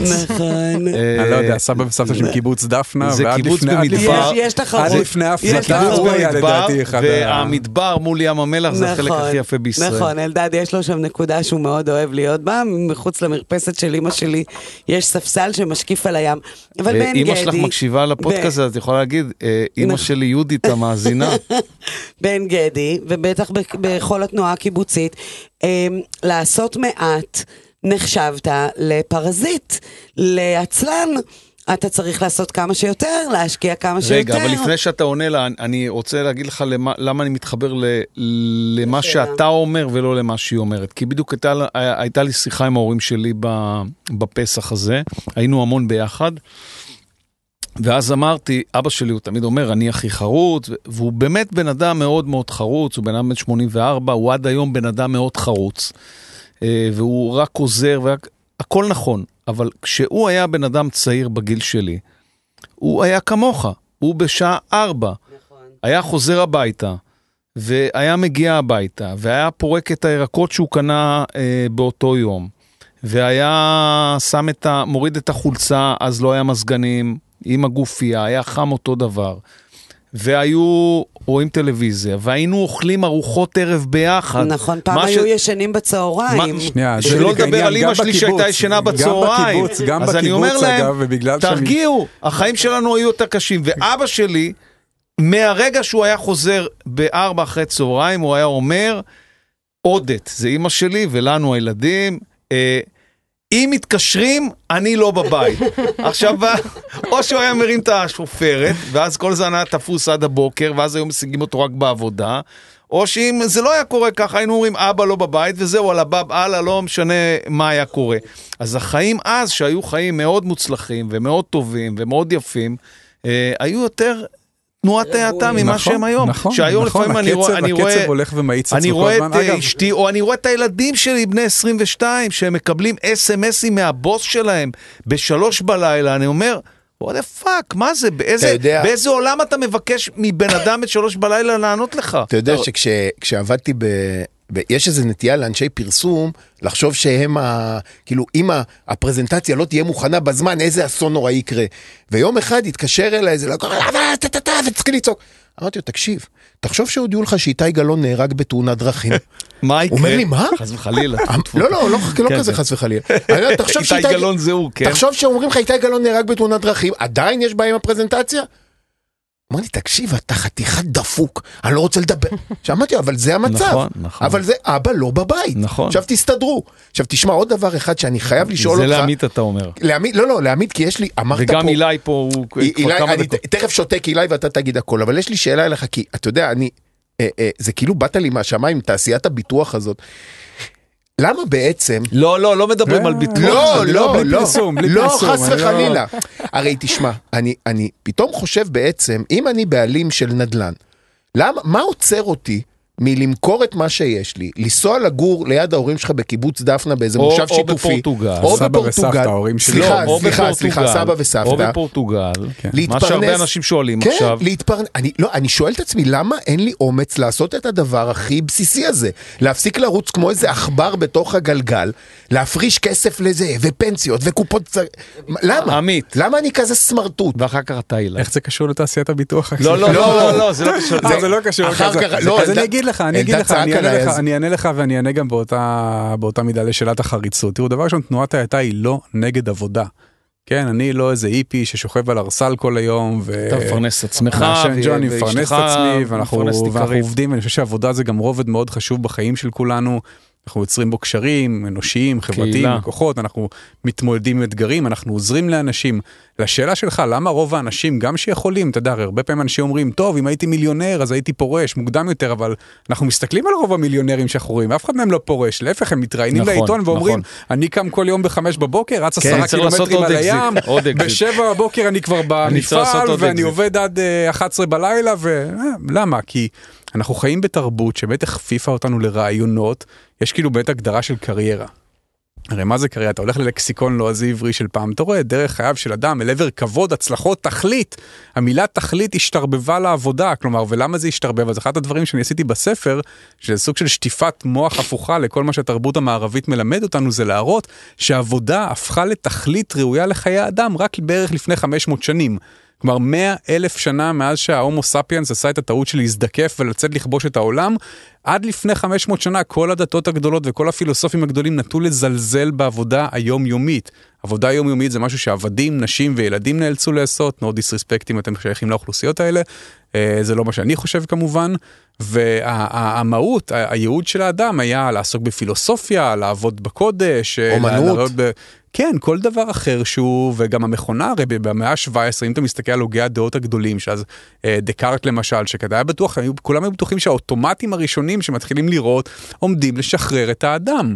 כלומר, אנחנו, האדם יצטרך לעבוד עד ארבע שעות בשבוע כדי לפקח על תוצרי הקדמה שיספקו לנו מזון ומלובשים, ואנחנו נוכל לבלות את חיינו בדקלום, בשירה, בלימוד, בטיול עם ידידים מתוך הנאה וכדומה. אילי שהוא הכי תנועת האטה, כי הוא ממש מקשיב לך בשקט. והנה, אני רק אשלים, והנה קרה בדיוק הפוך, המכונה לא רק שהיא לא שחררה אותו, היא בעצם כבלה אותנו ליעילות שלה, היא גם הפכה אותנו לסוג של בורג במכונה, תחשוב כמה עבודות יש היום שאין להם, עזוב את הבולשיט ג'וב של אה, דיוויד גרבר, אלא פשוט עבודות שהן ממש מכניות כאלה, אנחנו בפס ייצור ואנחנו רק בורג קטן בפס הזה, מהעבר השני יש את המקצוענים החדשים, אנשים שלומדים 6-7 שנים ואז מתמקצעים, ואז פתאום...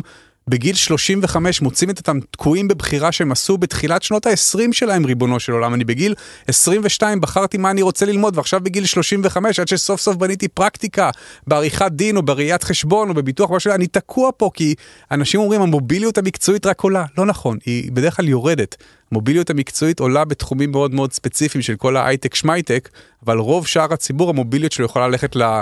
המעמד הזה של הפרקריאט, המעמד זה לא- המסוכן זה של לא העבודות הייטק, שמייטק, הזמניות. זה הייטקס. הייטקס, בסדר, נו אני זקן, אני לא, לא, לא זה- רואה... זה המילה, אם אתה רוצה את המילה של הדחקה אני זה הייטק. אגיד, אני רק אילי, אגיד- אילי, טוב, אילי, טוב, עכשיו אני אילי. יכול לדבר לנצח. לא, כן. אז אני, יש כמה דברים באמת שרציתי להתייחס אליהם.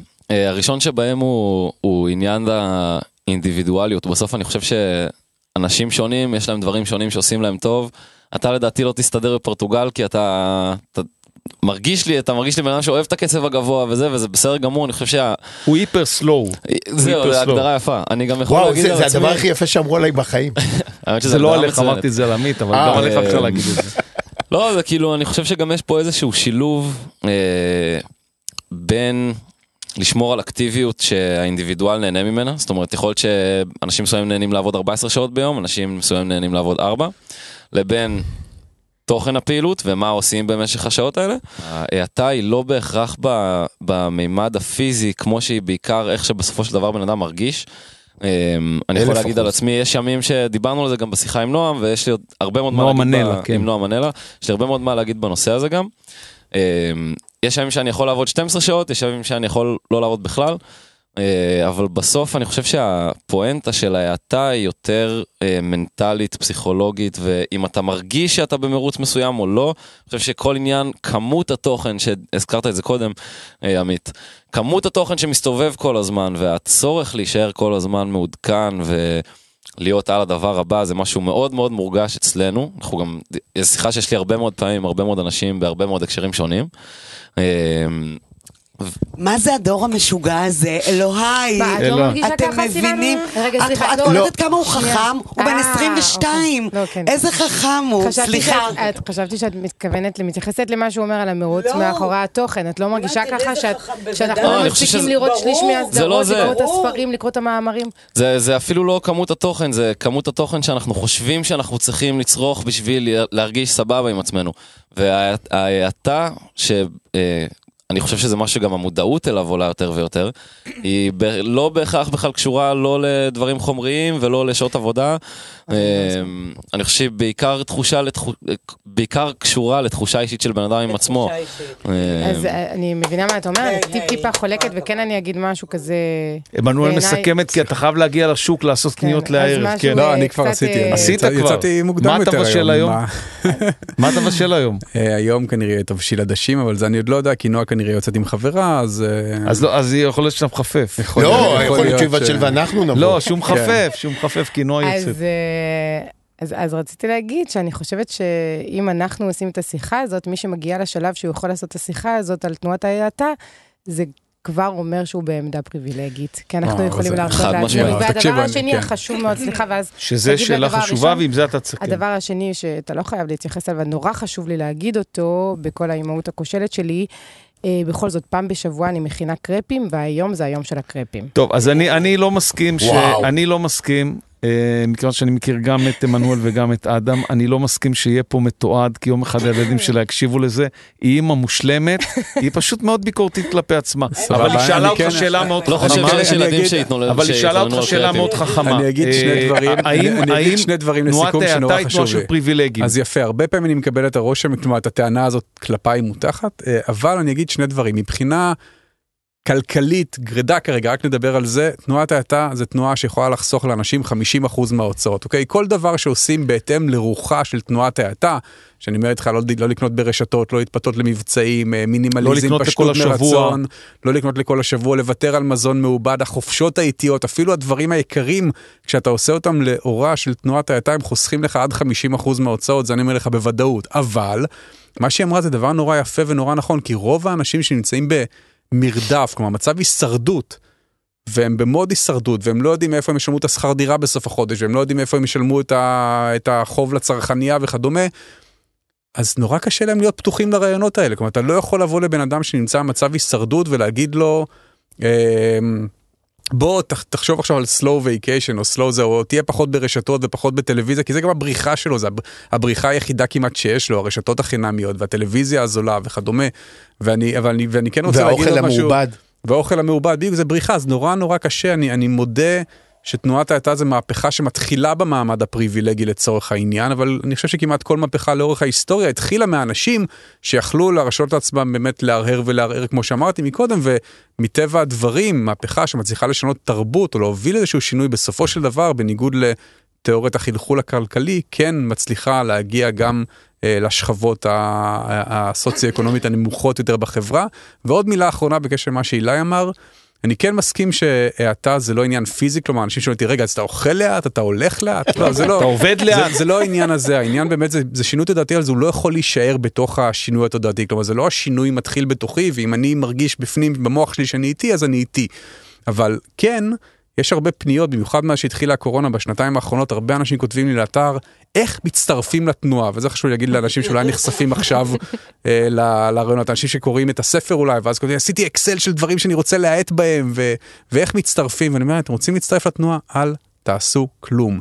כי יש משהו נורא מטעה בתנועת האטה, נכון? זה כמו תנועת הצופים, תנועה זה, יש בזה פעילות, כאילו זה כזה משהו שקורה, זה משהו אקטיבי, ואז אני אומר לאנשים, תקשיבו, תנו- תנועת האטה זה יותר תנוחה מאשר תנועה, כלומר זה מנח נפשי שאתם צריכים להיכנס אליו כדי שאתם תוכלו להפוך את עצמכם לאירוע מתגלגל של האטה, שישפיע על הסביבה הקרובה שלכם ועל המשפחה שלכם ועל החברים שלכם, ואני יכול להגיד לך שבאמת, כאילו לא משנה, אני מקבל באמת תגובות, הספר מחר עם הדיגיטלי, קרוב ל-8,000 עותקים עד היום, אני מקבל מיילים עד עכשיו כאילו מאנשים, אני חושב שאת השינוי הכי דרמטי שאני יכול לדמיין שעשיתי זה לאנשים שהכי קרובים למעגל שלי בסופו של דבר. ובכל זאת, מי שרוצה לעקוב אחריך, גוגל עמית נויפלד, תנועת ההאטה, זה יוביל אתכם לכל הרשתות האפשריות, ואתם תופתעו לגלות אני רק, שבניגוד אני רק ברשת אחת. בניגוד למה שאתם חושבים, אתם, אתם כבר חלק מתנועת ההאטה, למרות שאתם... לגמרי. אה, זה, אני חושב הקור- שרוב האנשים הקורונה שם. ממש עשתה את זה ל, להרבה מאוד אנשים בעולם. אה, היית מדהים, תודה רבה. היה כיף להתארח הוא נאה. דורש נאה מקיים, כן, הוא חיכה פה איזה חצי שעה עד שהוא התחיל, ואנחנו סיימנו, אתם זוכרים, 0523-436-409, זה הוואטסאפ שלי, אה, סמסו חופשי, מה שאתם רוצים, איך שאתם רוצים. אה, אם אתם מקללים, אני חוסם אתכם. אם אתם מטרידים, אני חוסם אתכם. אם אתם אה, אה, מפרסמים את השם שלי ב, אה, אה, כמוכר ביצים, כמו שעשו לי בבני ברק לפני כמה שבועות, אני הורג אתכם. חכה רגע, יכול להיות שיש פה פרנסה. יש פה פרנסה. לקחת נו. את הוואטסאפ הזה וזה, מפרסמים זה, הוא, הוא מחלק ביצים בחינם אה, לפסח. לא, לא, ואז בחינם לא. איזה- זה הדבר לא, הכי לא, לא. ואז קיבלתי איזה 5,000 הודעות, אני ארדוף אתכם עד המוות. יאללה, ניפגש בפרק הבא. מה המצב? תודה, תודה. ביי ביי.